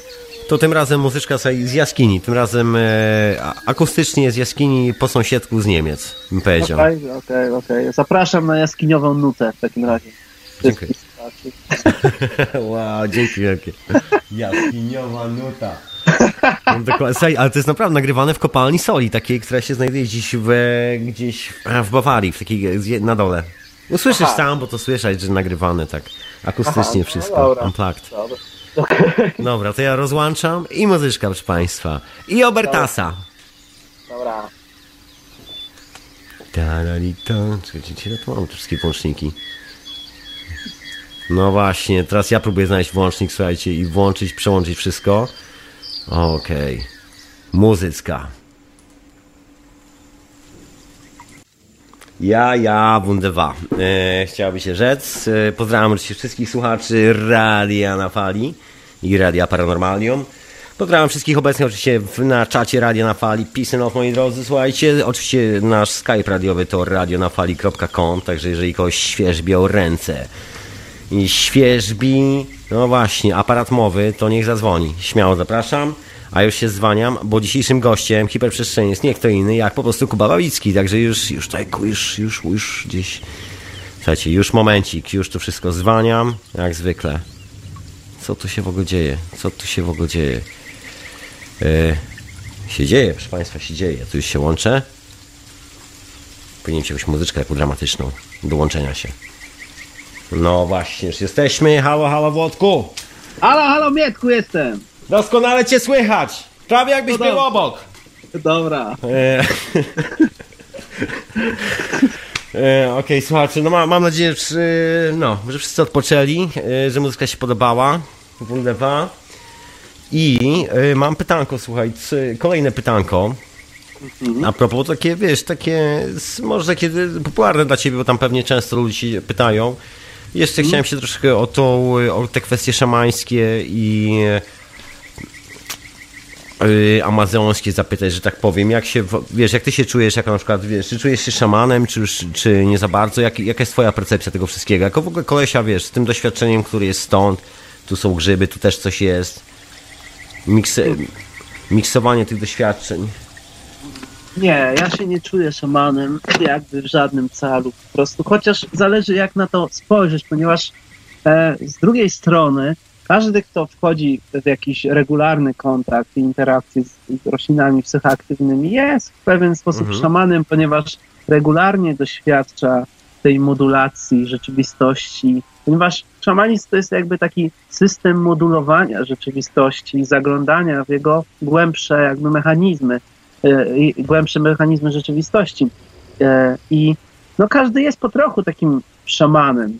Tylko, że e, szaman w takim pełnym kontekście, pełnym tego słowa znaczeniu, to jest osoba, która ma stały, nierozerwalny kontakt z wymiarami duchowymi i która musi bardzo ciężko pracować, aby te powiązania jakby nie wpłynęły na jego życie i nie zdominowały go całkowicie, ponieważ szaman ma często, e, przynajmniej e, z, tego, z tym, co ja się spotkałem z szamanami południowoamerykańskimi, oni mają stały kontakt z tymi światami nielokalnymi. I często, i, i, czasami nie mogą sobie nawet z tym poradzić. Na przykład niektórzy uciekają w alkoholizm, w alkohol. Niektórzy nie mogą sobie z tym poradzić w jakiś inny sposób. Niektórzy radzą sobie doskonale. I to jest tak, że e, to tak, tak jak był taki medyczny antropolog dr Francis Barbira Friedman e, miała taką historię, ja też ją spotkałem osobiście e, i e, ona ma, miała taką historię, że w- w pewnej ceremonii doświadczyła pełnej transformacji w jaguara i od tej pory szaman powiedział, że może e, stać się szamanką, może, e, może, może wejść w ten świat całkowicie, ale musi być świadoma, że będzie od tej pory wystawiana na e, na ataki innych szamanów, bo praktycznie będzie musiała ciągle się bronić. Więc, e, no i ona się na to nie zdecydowała. Miała dzieci, wiadomo, karierę naukową przed sobą. No wiesz, No, to jest ale taka, to taka e, ostateczna transformacja, kiedy już z osoby po prostu ludzkiej transformujesz w ogóle w inny żyjący byt do, w tym świecie, w tym samym świecie po prostu. Taki byt A, tak. No właśnie, i więc, więc, więc, więc to daje nam pewien jakby pojęcie, czym szamanizm taki w pełnym słowa znaczeniu jest. To jest jakby ciągłe balansowanie na cienkiej granicy, ciągłe balansowanie na, na, na, na, e, e, między życiem a śmiercią, między wymiarami pośmiertnymi, ciągły kontakt z, z, z jakby z duchami albo z innymi bytami. I to może być uciążliwe, ponieważ nie każdy jest no, gotów, żeby być szamanem. Ja ja się temu przyglądam z ciekawością, bo ja się po prostu życiu przyglądam z ciekawością, życiu jako fenomenowi, feno, no po prostu Mhm. e, życie dla mnie jest fenomenem i ja się temu przyglądam z ciekawością i dla mnie trip psychodeliczny jest tym samym, to po prostu wyjście na spacer do lasu, po prostu nie widzę różnic między tym, e, na, jeśli chodzi o najgłębszy poziom, bo wiadomo, jeśli mam tam logicznie do tego podejść i no to są różnice olbrzymie, ale jeśli chodzi o odbiór, e, percepcję, ale e, no ale no Zasada ja się nie sama. Zasada jest to sama. No. tak, tak, tak. Ale, ale nie, nie czuję się szamanem, ale, ale no, każdy po trochu nim jest. Rozumiem, No, nie- tak, rozumiem, tak. rozumiem. Tak. Rozumiem, bo to chciałem jakby, bo, to, bo wiesz, jakby jest dużo dookoła, wiesz, dużo, po prostu dookoła słowa szaman jest po prostu tyle opowieści, tyle historii, ty- tyle szaleństwa, że czasami aż po prostu, no dobrze jest usiąść i to trochę jakby wykrystalizować, bym powiedział. Mm, Tak, tak. Dokładnie. Słuchaj, jakie jest twoje podejście do, do chemicznych, znaczy chemicznych, może nie chemicznych, no LSD na przykład, bo chemicz, y, czyli do substancji, które są syntetyzowane? Syntetyzowane. Dokładnie, bo wiesz, jest to, jest to inne pole e, morfogenetyczne. Ile jeszcze z kwasem wydaje mi się jest o tyle łatwo, że wiesz, że to jest cały ten pik właściwie tej kultury, w której właściwie dorastamy i technologii, w której dorastamy, jest, mieszka w tym polu, wiesz, e, internet, wyprawa w kosmos, cokolwiek, to wszystko mieszka po prostu w LSD. To jest no, ten, tak, tak. ten czas, można powiedzieć. E, natomiast e, właśnie, no jaka jest twoja opinia na ten temat? No, znaczy no, wszystkie substancje są jakby częścią życia i e, nieodłączną. I, i, no, LSD też trzeba pamiętać, że pochodzi z natury, jest syntetyzowane z naturalnych e, źródeł mhm. i mm, moim zdaniem e, to już zależy od człowieka, który przyjmuje daną substancję, ponieważ e, te pola morficzne, morfogenetyczne, one się wzajemnie przenikają. Jeśli jakaś substancja daje e, nam jakby super szybki samochód, odpowiedni samochód, e, w którym możemy sobie wsiąść i w którym możemy dojechać do celu, jeśli mamy odpowiednie umiejętności, no to wówczas ok. Jeśli nie mamy tych umiejętności, no to nawet super samochodem niewiele zdziałamy i nie dojedziemy. Wtedy będzie gorzej, się zabijesz, zanim zdążysz wyjechać z parkingu. No właśnie, I, ale też e, e, syntetyczne w ogóle substancje są dla mnie o tyle ciekawe, bo i one pozwalają jakby podłączać się do tych rytualnych pól morficznych. Było takie doświadczenia w latach 60. prowadzone przez Claudio Naranjo, e, psychiatrę, który e, w, e, eksperymentował z syntetyczną, czystą harmaliną. I harmaliny w ayahuasce jest tyle co nic. Ona praktycznie nie działa. Tam działa harmina, tetrahyd mhm. tetrahydroharmina. To są główne substancje, te beta-karboliny, które działają. I on, e, tej, tej harmaliny jest tam po prostu bardzo mało, śladowe ilości, znaczy niewielkie bardzo ilości, które nie mają prawa zadziałać. Tam to jest, o Jezus, bardzo, bardzo mało. I e, on miał syntetyczną tą harmalinę mhm. i co ciekawe, podawając ją sobie, doświadczał pewnych e, aspektów tego folkloru szamańskiego niskiej serwy. Czyli wow. doświadczał wizji, wizji nacechowanych e, właśnie e, e, e, systemami szamańskimi z Ameryki Południowej. Więc w jakiś sposób ta syntetyczna molekuła połączyła się automatycznie z polem morficznym e, e, ayahuaski albo po prostu banisterio, kłopnącza banisteriopsis, cap, banisteriopsis capi. I no, e, to też jest, jakby nam daje e, pewną kolejną wskazówkę już ku przyjęciu do wiadomości, że jednak te pole morficzne mogą jednak istnieć. No to wiesz, to jest taki największy problem mainstreamowej nauki, bo ona ma odwieczny problem ze wszystkim z reguły zawsze. E, to jest, wiesz, to w ogóle cud, że się zgodzili na to, że, że Ziemia jest okrągła, także to już jest wystarczająco duży cud. Myślę, że tutaj oklaski dla Akademii. Merci beaucoup. I... No oni tak tam mówią, jak sobie przyjmują. A odpowiedź za pozycję monsieur. I... I to jest jakby oni mają, oni, wiesz, bo to jest to po prostu kompletnie poza zmierzeniem. Jest taka ciekawa rzecz związana z, z postacią e, Bruce'a Liptona, który fajnie mówi o sposobie formowania się molekuł, o tym, że jest to zjawisko elektrograwitacyjne, które polega na, wiesz, na przyciąganiu, odpychaniu się i tak dalej. I stąd się biorą właśnie tajemnicze rzeczy, które nazywa się świętą geometrią. I dla mnie jest to takie dosyć, dosyć proste, bo każda substancja, która teoretycznie ma tą samą strukturę molekularną, tudzież zbliżoną strukturę, właściwie jest taką anteną i powinna rezonować ten sam sygnał, który ma właściwie ta rdzenna substancja. Czyli jeżeli za rdzenną na przykład weźmiemy, nie wiem, ayahuaskę, czyli takie klasyczne DMT w ayahuasce, no i weźmiemy jakieś inne, inne substancje, to jeżeli będzie mi tą samą budowę molekuły z drugiego końca świata, czyli kształt będzie dokładnie ten sam, to powinno mieć tą samą, e, ten sam impact, że tak powiem, w strukturę elektrograwitacyjną dookoła świata. Czyli generalnie tak. teoretycznie powinno być tą samą anteną tej samej częstotliwości. Czyli nie tak, trzeba. Podobna, tak, podobna właśnie, tak, właśnie to chciałem powiedzieć. Podobna częstotliwość. To jest tak, jak e, wsiadamy do różnych autobusów, różnych przewoźników, które jadą w te same miejsce. I może to po prostu tak wygląda w świecie morficznym. No, wygląda troszkę jakby się. Słuchaj, co myślisz? Bo ja myślę, że przyszedł na przykład taki czas, że w, y, jesteśmy w tym momencie, że rośliny się po nas naprawdę już tak mocno upomniały, że jeszcze w, historii cywilizacji nie było czegoś takiego jak takiej eksplozji substancji psychoaktywnych. Ostatni raz prawdopodobnie była to, nie wiem, czasy starożytnej Grecji. No jeszcze troszkę wcześniej, y, to może 800 lat temu, czasy czasy y, gnostyków w Europie, którzy wykorzystywali do swoich rytuałów amanitę muscardzie i w ogóle z psylocybinę i tak dalej, i sporyż na przykład, mm. był, wykorzystywany i jakby od 800 lat nie było właściwie czegoś takiego. No był ten, ten hit LSD w latach 60. i to właściwie wszystko. I teraz dopiero mamy, bo to jest jakby, to co mamy teraz jest, wiesz, jakby taki extension, takie prze, jakby dodatkowe rozwinięcie tego tematu. No wiesz, ayahuasca naprawdę zrobiła się tak mainstreamowa na zachodzie, że ja jestem po prostu w szoku. Zrobiła się, naprawdę to jest po prostu yy, wręcz moda. Słuchaj.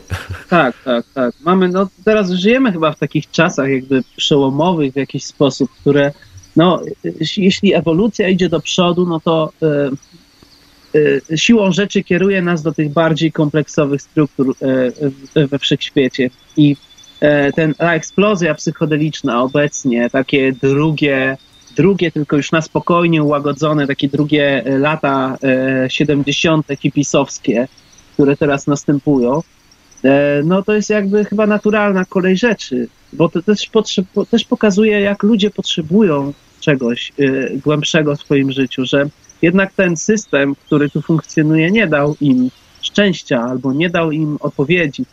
E, religie, systemy religijne nie dały im odpowiedzi i szukają gdzieś indziej, a jednak natura, rośliny, które są tu miliony lat dłużej niż my, e, mogą te odpowiedzi posiadać i posiadają, jak wiemy z doświadczenia. I po prostu to jest chyba naturalna kolej rzeczy. No, ewolucja jakby E, abyśmy, żeby, żeby zrozumieć ewolucję i te bardziej kompleksowe struktury, chyba no, siłą rzeczy musimy się wprowadzić w inne stany świadomości. Ja w ogóle tak przestałem wierzyć przez w ogóle w ewolucję jako taką, wiesz, w sensie jako proces. Po prostu myślę, że wszystko jest gotowe, już zaprogramowane, tylko jest kwestia e, substancji, która aktywuje dany, dany receptor. Że to jest troszeczkę tak jak biblioteki są już gotowe, wybudowane, czekają Wszystkie pulpity, deski zostały no tak, przetarte, no. lśniące, czekają na pierwszych użytkowników, użytkowników, którzy chcą wbiec do tej biblioteki i po prostu zacząć korzystać mm. ze wszystkich możliwych książek. I że właściwie no tak, tylko... Tak, no, wszyscy... mhm. tak, tak, tak. I że właściwie tylko o to chodzi, żebyśmy po prostu tam Wszystko wbiegli. dzieje się naraz. Ojej. Śmiało, śmiało. Wiesz co, mam, e, przerywa mi. Przerywa mi strasznie e, właśnie, co mówisz i nie wiem, kiedy przestajesz mówić, a kiedy mówisz dalej. To ty mów, ja się zamykam. E, dobra, dobra, już chyba się poprawiło. Okay. E, jakoś, no, dobra. E, I znaczy, no, moim zdaniem, proces, no tak, proces ewolucji no, na tym poziomie, o którym teraz rozmawiamy, to oczywiście nie istnieje. Ale pozorny jakiś proces ewolucji istnieje jednak, no bo jeśli wszystko dzieje się jednocześnie, e, no, mhm. to, no to faktycznie nie istnieje ewolucja. Mamy tylko jakieś następstwa tego, co się dzieje jednocześnie, ale w naszej rzeczywistości, w której funkcjonuje czas jako taki, no to jednak następują jakieś efekty, efekty, te, efekty pola tego, mhm. tych, tych, tych wszystkich wymiarów, które się jednocześnie dzieją i może to można nazwać ewolucją po no, prostu. To prawda. Ja tak się po prostu no. nie zgadzam z tą darwinowską definicją, która jest taka bardzo sztywna, jakby ona jest... Rozumiem, rozumiem, nie. Znaczy, ja mając, mając na myśli ewolucję, mam po prostu na myśli tylko to, że kiedyś ludzi palili na stosach za wyrażanie jedynie własnej opinii na jakiś temat, a obecnie mamy badania psychodelików, podważanie wszystkich autorytetów religii i o to chodzi, że to po prawda. prostu no, mamy ten progres jakby w w zdystansowaniu się do tych struktur osobowych, do ego i e, e, ogólnie kolektywu ludzkości. No i to po prostu będzie szło dalej do przodu. I to nie, nie, nie możemy tego zatrzymać. Nikt tego nie zatrzyma. Madness, madness, proszę pana. Podoba mi się to. Podoba mi się to. Absolutnie. Słuchaj, kiedy y, ma, masz, y, kiedy ty planujesz jakąś kolejną, na przykład swoją taką wyprawę, czy masz jakiś plan na kolejną wyprawę właśnie w dżunglę? Na przykład. No tak, no już mnie tam ściągają ogólnie, mam już zaproszenia do kilku projektów e, właśnie w Amazonii, I, I sam nie wiem, bo tu też mam swoje rzeczy, różne projekty. Tworzymy bazę danych roślin leczniczych. E, mam teraz taki mały projekt psylocybinowy. Tam, e. Że to fajnie brzmi. mały projekt psylocybinowy. Słuchaj, może być nawet mały, wpadaj.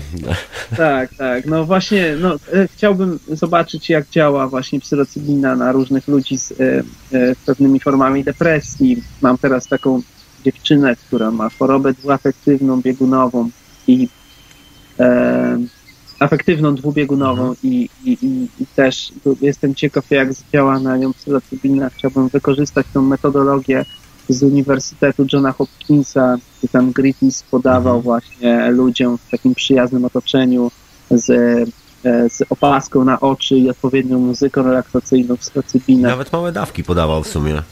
Tak, tak. Ja też bym chciał to sprawdzić, jak to działa, tam pozapisywać swoje, swoje hmm. obserwacje. No, ale no, ściągają też mnie już do Amazonii i mam hmm. niezłą zagwostkę.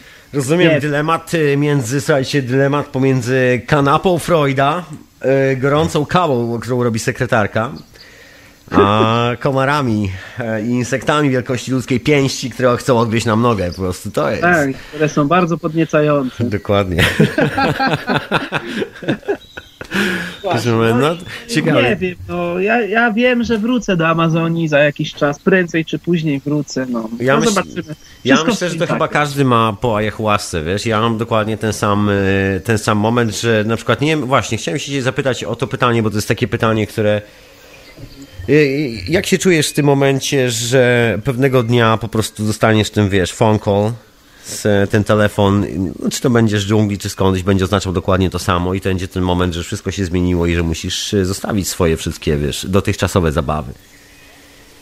Jeśli tak ma być, no to niech tak będzie, nie? Ja po prostu staram się niczemu nie sprzeciwiać, no wszystko, co życie przynosi, to przyjmuję, staram się przyjmować na klatę, bo nie zawsze się to wiadomo, udaje, no ale, ale z reguły się udaje. To prawda. No, więc jak, no po prostu, jak, jak, jak to się wy... No dobra, okej, okay, no. Słuchaj, jak, jak się w ogóle czujesz z tym, e, z, wiesz, bo jak po prostu wdepniesz na tą drogę, to takie troszkę może prywatne pytanie jest już trochę, zahaczające taką sferę bardziej prywatną, bo doskonale wiemy, że nie ma powrotu z tej drogi. No jak się z tym czujesz, że cię to, znaczy jakby powiedziałeś przed chwilą, wszystko jest ok i tak dalej, i tak dalej, ale na przykład, no nie masz jakąś taką rzecz, że, że chcesz to, widzisz jakiś sposób połączenia tego, na przykład robiąc swoje rzeczy tutaj, czy, czy jeszcze to się nie skrystalizowało w jakiej formie, czy po prostu chodzi mi ten dziki zew, który z pewnego dnia się pojawi i powie, że masz robić to, to i to i to i to a do tej pory na przykład, nie wiem, robiłeś na przykład muzykę albo coś innego i czy, mm, nie wiem, zastanawiasz się nad próbą łączenia w ogóle tego wszystkiego do kupy? Właśnie nie zastanawiam się i nie próbuję nawet, po prostu to się samo dzieje i nie wiem nawet jak to się dzieje, nie wiem jak się wydarzają rzeczy, nie mam pojęcia zielonego, po prostu dzieje się to, przyjmuję to, co się dzieje, staram się robić to, co robię, staram się robić dobrze, no i nie wiem, no, po prostu jak, co ma być, to będzie, ma być muzyka, to będzie muzyka, ma być szamanizm, będzie szamanizm, mają być psychodeliki, będą psychodeliki, medycyna, to medycyna, no nie wiem, jakiś sposób dziwny, tajemniczy, wszystko to się do tej pory jakiś, jakoś łączy. Klei. Jakimś cudem się udaje to ciągnąć. No. no proszę bardzo, proszę bardzo, co za tajemnicza postać. Słuchajcie, no na tym to polega. Tak się chciałem zapytać, bo czasami słuchaj, ludzie, e, dlaczego, dlaczego zadaję to pytanie? Bo ludzie jak słyszą o czymś takim, co jest tak mocno zdefiniowane, że jak wkraczasz na tą drogę, to już nie ma powrotu i tak dalej, i tak dalej. Wszystkie, wszystkie to powieści z tego wynikające, po prostu myślą, że wiesz, że pewnego dnia po prostu wstaniesz e, i będzie jak na amerykańskim filmie, wrzucisz kluczyki do, do, do, do talety, spuścisz wodę po prostu i wyjdziesz z mieszkania, wiesz. Taki dramatyczny ja myślę, że, Ja myślę, że to już dawno mi się przydarzyło po prostu. Dlatego to jest chyba jedyne sensowne wyjaśnienie. Po prostu już to przeszedłem, teraz tylko obserwuję efekty tego, co się pojawia i już nie kwestionuję, bo nie ma czego. Nice, nice. nice. Nie, nie wiem co powiedzieć. Nie, nie. No, też się zabiorę do tej dżungli za jakiś czas. Okej. Okay. Dokładnie, dokładnie. Słuchaj, dobra, bo mam ostatnie, ostatnie, że tak powiem, 15 minut i czas najwyższy wypytać się teraz konkretnie o twoje projekty, które robisz. Y, no i generalnie właśnie wszystkie te rzeczy, zanim cię wywieje do tej dżungli, zanim jakakolwiek decyzja z kosmosu przyjdzie i zapadnie tak. na ten temat, to, y, to powiedz, co przed tą decyzją z kosmosu. Hmm, no przede wszystkim teraz z zespołem nagrywam nowe kawałki. Niedługo, mam nadzieję, będą już dostępne. Chcemy kolejne zrobić, bo mamy teraz mnóstwo w ogóle pomysłów. Głowa aż pęka od nich. Po prostu cały czas mi głowę wypełniają dźwięki. Budzę się i muszę często po prostu usiąść i je zapisać albo zagrać, bo no nie wytrzymam, jeśli tego nie zrobię. E, ponadto jeszcze no, mam te swoje projekty z roślinami, e, leki roślinne, ich obserwowanie, ich działania. Kurczę, no to jest tak obszerny temat. Ja bym. Ja, kur, no, że nie wiem często za co się złapać. Po prostu wstaję rano i nie wiem. Nie chciałbyś, wiem. Mieć, chciałbyś mieć osiem rąk jak Shiva. Ha, tak. tak. Jedna para notatki na temat substancji X, druga para notatki na temat substancji Y, trzecia no. gra na instrumencie. No tak, właśnie mieliśmy nawet w ogóle zahaczyć o temat tych naszych roślin z naszego lasu. No właśnie. W ogóle nie poruszyliśmy tego tematu prawie. Dobra, słuchaj, dobra, dobra, to Ale może... to jest, wiesz co, powiem ci, że można o tym zrobić osobną audycję, bo to jest ciekawe, bo w naszych lasach rośnie tyle ciekawych substancji, które raz, że mogą działać enteogenopodobnie, E, a dwa, że mogą e, usprawnić e, nasz, nasze procesy pamięciowe, myślowe, funkcje kognitywne. Mogą nam też w jakiś sposób pomóc. Nawet taka zwyczajna roślinka jak piżmaczek wiosenny, pospolita w naszych lasach, które zawiera alkaloidy indolowe. Okej, okay, co to jest alkaloid indu, indulowy? Bo nazwa roślinki już sama pokraśna, że tak powiem, sama w sobie. No, to są indole, indole to są po prostu substancje na, na, e, o, o, strukturze, e, z której się wywodzi większość psychodelików. A akurat one mają taką strukturę, że pobudzają e, pamięć, krót, ośrodek pamięci krótkotrwałej, działają na e, po prostu działają na e, mm, po prostu stymulują system nerwowy i nawet taka zwyczajna roślinka potrafi nam jakby w większych dawkach wywołać jakieś doświadczenie enteogenopodobne, enteogenopodobne, a, ale ogólnie no, może e, pomóc nam przyswajać jakąś część materiału do nauki. No tak, taka zwyczajna rzecz. Są jeszcze wiele innych, silniejszych oczywiście roślin, o których też można wspomnieć. Hmm. No to zaczynam już być, że tak powiem, zaintrygowany. Ja ciągle, wiesz, szukam takiej e, tej somy, wiesz. To... No tak, tak. To jak, ja myślę, to każdy by chciał znaleźć taką somę. To jak kamień filozoficzny alchemików. Dużo jest takich roślin, bo na przykład jest taka roślina kokorycz. Kokorycz korydalis z łaciny. E, głównie dwa gatunki w naszych lasach występują, kokorycz pełna i kokorycz pusta.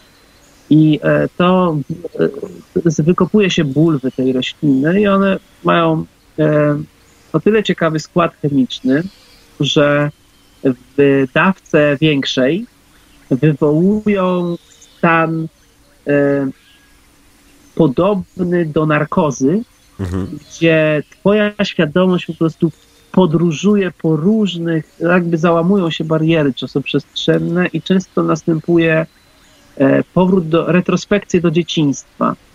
Na przykład cofasz się do czasów przedszkolnych, widzisz siebie jako wow. smyr mały, ale wszystko jest przejaskrawione, czyli ta wizja, e, ta wizja, obserwujesz to wszystko jakby z boku i te wizje e, e, słyszysz wyraźniej niż wtedy, kiedy byłeś w tym stanie, bo mogłeś wtedy nie ogarniać do końca pewnych rzeczy. Wiadomo, jak to dziecko, mhm. byłeś skupiony na budowaniu klocków, tak? Dokładnie. Wieży z klocków, ale o, w tych wizjach to wszystko jest przejaskrawione, dzięki czemu ty E, możesz więcej z takiego doświadczenia wyciągnąć. I to jest tylko jeden z wielu przykładów takich naszych biosferycznych, lokalnych, e, ciekawych jakichś e, kwiatków, tak? A, a no, tylko że to, to wiadomo, trzeba uważać, bo, bo dawka psychodeliczna jest bardzo bliska toksycznej, która a toksyczna dawka kokoryczy może po prostu e, spowodować e, paraliż i Ups. e, paraliż układu oddechowego.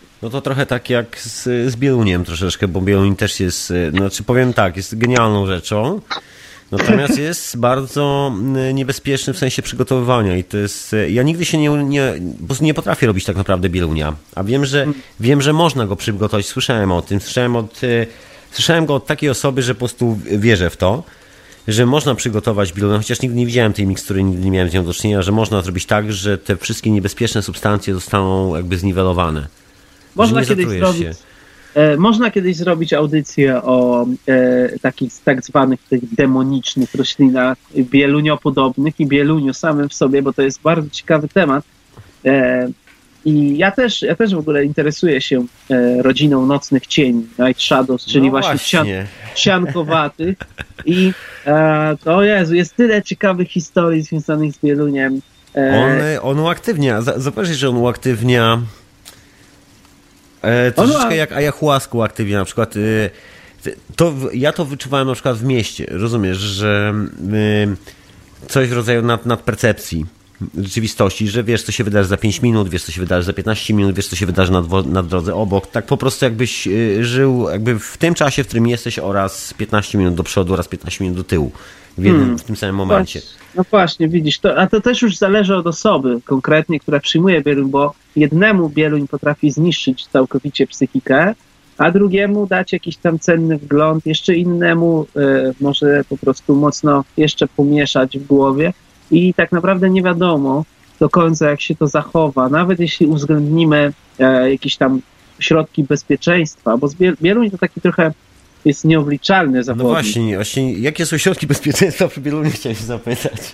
No właśnie, no to właśnie. chyba no chyba nie ma do końca. To jest e, od, no, odpowiednia dawka, no chyba, chociaż nie, też to nie. Może w ogóle, robienie herbaty, słyszałeś o czymś takim jak asmosan swego czasu? Tak, tak, no, oczywiście. Legendarny asmosan. Legendarny Astmoson. W ogóle e, wielu, wielu, wielu jest, e, jest taki portal Erowit, ty na pewno znasz Oczywiście. ten portal, ale może ktoś go nie zna i tam są krypty danych roślin i w tych kryptach są też e, opisy doświadczeń ludzi e, po, po, e, po zażyciu danych roślin. I jest krypta Bielunia i po prostu tam e, czytanie tych trip raportów bieluniowych przez ludzi to jest po prostu lektura genialna. To jest lepsze niż niejedna książka.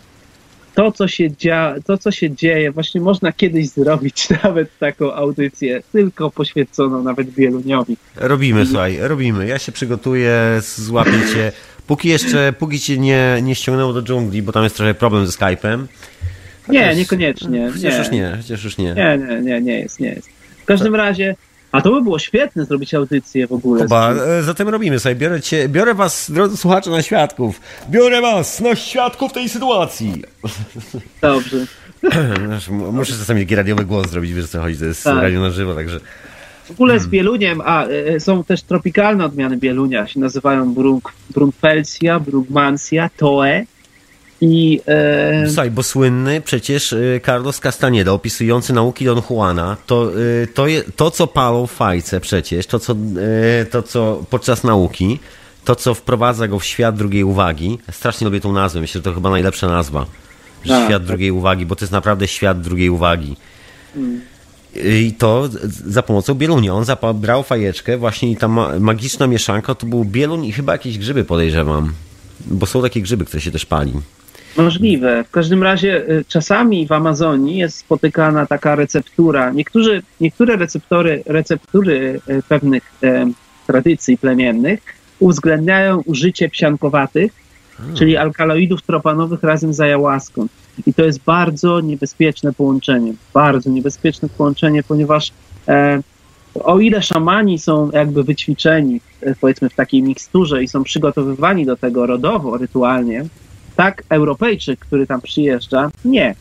I czasami, y, kiedy ktoś jest skonfrontowany z taką miksturą, to po prostu doświadcza, e, doświadcza bardzo mrocznej strony ayahuaski, bardzo e, e, po prostu jakby te tropanowe alkaloidy ściągają doświadczenie do tych bardzo mrocznych obszarów tego astrala szamańskiego i tam gdzie są bardzo obecne te, te niższe byty, czy Mhm. tak zwane demony i, i wojny międzywymiarowe, sponowane, działania tych e, tropanowych alkaloidów. I po prostu to jest potencjalnie bardzo niebezpieczne, bo nie dość, że może dojść do uszkodzenia serca, arytmii, tachykardii. Można, można sobie wyrządzić olbrzymie szkody w układzie nerwowym, wręcz spustoszenie. I była tak, ta, też taka głośna sprawa ostatnio y, takiego młodego Brytyjczyka, który pojechał na ceremonię ayahuasca. Była. Sza, szaman go zakopał. U, tak, znaczy tak. umarł, umarł, zszedł. No właśnie i, i, i Mhm. ja od razu jak tylko o tym to przeczytałem i jeszcze nie było wiadomo wielu szczegółów, no to od razu tylko zobaczyłem w, w, w myślach, że po prostu ten gość pije taką mieszankę ayahuaski e, z właśnie z bieluniem tamtejszym. I tak i potem się okazało, że faktycznie tak było. No więc trzeba uważać na to. No bielunia pić to tak bym się bał, bardziej palić bielunia, jestem jednak zwolennikiem. No, no, no, nawet z paleniem trzeba uważać, też- chociaż to jest już, to jest łagodne akurat, ale, ale na przykład zjesz już trochę nasion i, i, i jest konkretna O faza. jest, o jest. E, bardzo konkretnie bym powiedział. Właśnie, Tak. słuchaj, em, czy jest coś, czy masz, nie masz jakieś zaklęcie, które pomaga na przykład wyskoczyć, kiedy, kiedy, wiesz, kiedy wydaje ci się, że faza jest za duża? Masz coś takiego, co możesz na przykład powiedzieć komuś, że okej, stary, jeżeli będziesz podczas podróży i poczujesz się kiepsko i nikogo nie będzie w okolicy, to na przykład co, co taki człowiek powinien zrobić? Zależy od e, substancji, którą przyjmuje, bo każda substancja ma jakby swoją odtrutkę. I e, Mhm. tak, i znaczy nie każda, ale, e, ale no, istnieją takie odtrutki, na przykład atropina. Na przykład atropina potrafi wiele e, tripów jakby znieść, e, z bad tripów. Węgiel aktywny potrafi potrafi te, te tripy jakoś ułagodzić albo przy, po, przy, powrócić takiej osobie do normalności. No to zależy, ale ogólnie to ja e, zalecam zawsze być ostrożnym przed niż po. Po prostu trzeba odpowiednio dobierać dawki i tyle. A jeśli już, e, jeśli już się zdarzy taki bad trip, no to warto mieć pod ręką po prostu coś, co jest odtrutką na daną substancję. I wtedy to wszystko zależy od osoby, która e, bierze taki, tak, taką, takiego psychodelika, bo e, teraz w dobie internetu, w dobie mm, jakby powszechności informacji wszelkich, no to jeśli bierzesz jakąś substancję, to weź, to weź sobie wygogluj, wygogluj, e, przeczytaj, co się da o tej substancji, albo co możesz przyswoić i zawsze sprawdź, jaka jest antidotum na daną substancję i po prostu, jeśli w miarę możliwości miej to przy sobie. Czyli zawsze sprawdzić w internecie i do plecaka przed wyprawą sobie po prostu wrzucić kawałek Warto, antidotum. tak, tak, war, warto, warto, warto. Więc tak na wszelki wypadek, jakby ktoś, e, że tak powiem, zapomniał. Nie no, bo wiesz, e, no nikt nie uczy o takich rzeczach, to doskonale wiemy, że jesteśmy chyba pionierami w języku polskim po prostu w mówieniu o tym. No, ktoś musi to zrobić pierwszy. Anyway. A powrót, a, po, a powróć, powinniśmy wrócić właśnie do tych e, tak zwanych mroczniejszych, bo też nie do końca, znaczy z, z tą mrocznością tych substancji to też jest tak właśnie dyskusyjnie. No, no. Zależy od punkt widzenia, zależy od punktu siedzenia i od e, danych wierzeń albo e, przeżyć, jakie mamy, nie? Jakichś programów i tak dalej. Ego i to wszystkie sprawy z tym związane, więc nie wiadomo tak naprawdę. Każdy na swój sposób widzi świat, każdy ma swój tunel rzeczywistości, każdy odbiera wszechświat albo tworzy swój własny i one się przenikają wzajemnie i, i tyle. Ja tak pomyślałem z tą głębokości, wiesz, że niektóre substancje właśnie mają, mają tą tę fenomenalną cechę, że wysyłają nas gdzieś dosłownie, no takie wyjątkowe miejsca, gdzie, gdzie nikt z nas nie jest dedykowany do mieszkania, bo to nie są miejsca, gdzie ktokolwiek z nas przemieszkuje, czy- czymkolwiek i kimkolwiek byśmy nie byli. To są miejsca, które odwiedzamy przez bardzo krótki okres czasu. Niektóre z nich są bardzo daleko i ta podróż jest po prostu bardzo że tak powiem, wyczerpująca w to i z powrotem. Czasami mi się wydaje. I czasami po prostu pacjent może nie przeżyć, e, po, znaczy odkrywca może nie przeżyć podróży. tak, tak. Bo, tak. bo Znaczy, wiesz, tak, dotrzesz do miejsca, jakby zobaczysz, co tam jest, tylko możesz po prostu już na przykład nie wrócić. To są jakby. Czasami myślę o tym w ten sposób, jakby nie, wiesz, nie traktuję tego może na zasadzie. E, Na zasadzie mrocznego, tylko bardziej na zasadzie dramatycznego bym powiedział. Po prostu, że jest to po prostu bardzo dramatyczne w sensie prędkości na przykład, że jest to coś, co Tak.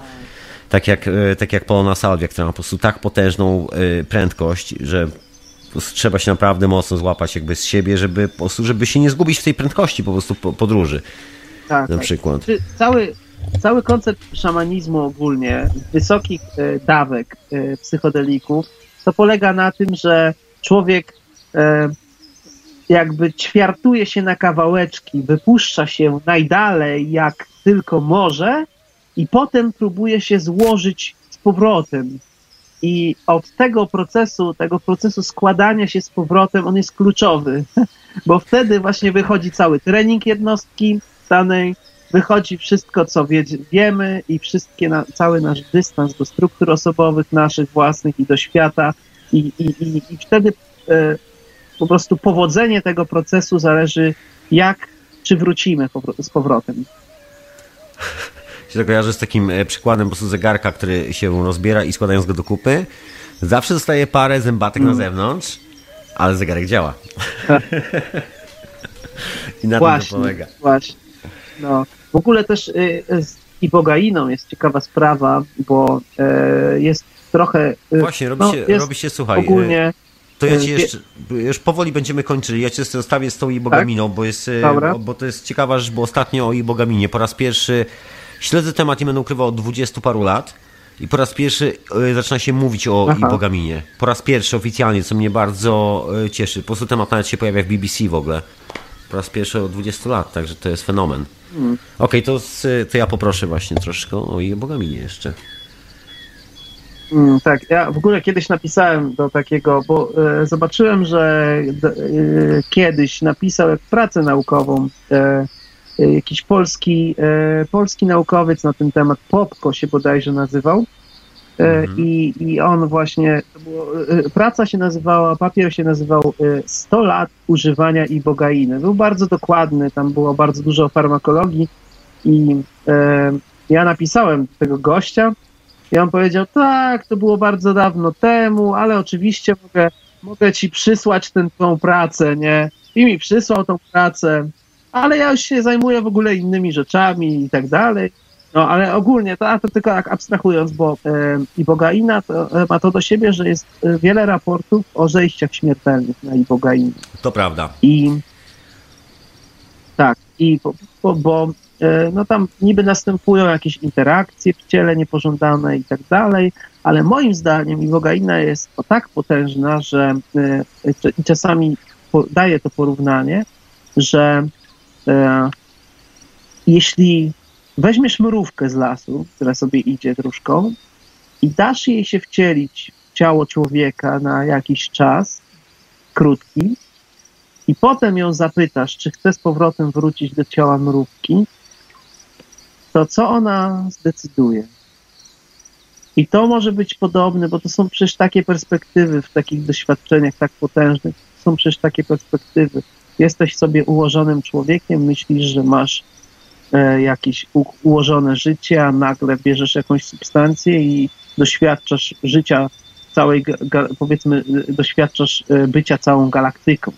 I wtedy no, ciężki jest powrót. I może to się dzieje właśnie na ibogainie i niektórych tripach w bardzo wysokich dawkach, że e, po prostu taka mrówka, która mogła być człowiekiem przez kilka dni, może nie chcieć już wrócić z powrotem do ciała mrówki. No jest to, jest to mocna lekcja. Mam jeszcze raz e, gościa, dzwojącego antyszweda. Cześć, ja chciałem właśnie a propos ibogainy spytać, jak to właśnie jest, y, czy to, bo wiesz, bo ja mam opcję sobie to kupić i jest opcja, że tak, przyjmę standardową dawkę, to tam są jakieś trzy kapsułki, a ja zawsze lubię dużo, ja bym chciał nawet sześć, no i co, i mogę zejść po takim czymś, bo zawsze słyszałem, że to jest raczej bezpieczne, no to jak to, to jest w końcu? No wiesz, zawsze, zawsze istnieje ryzyko, nie? I nigdy nie wiesz, wiesz, niektórzy Mhm. przyjmowali Mhm.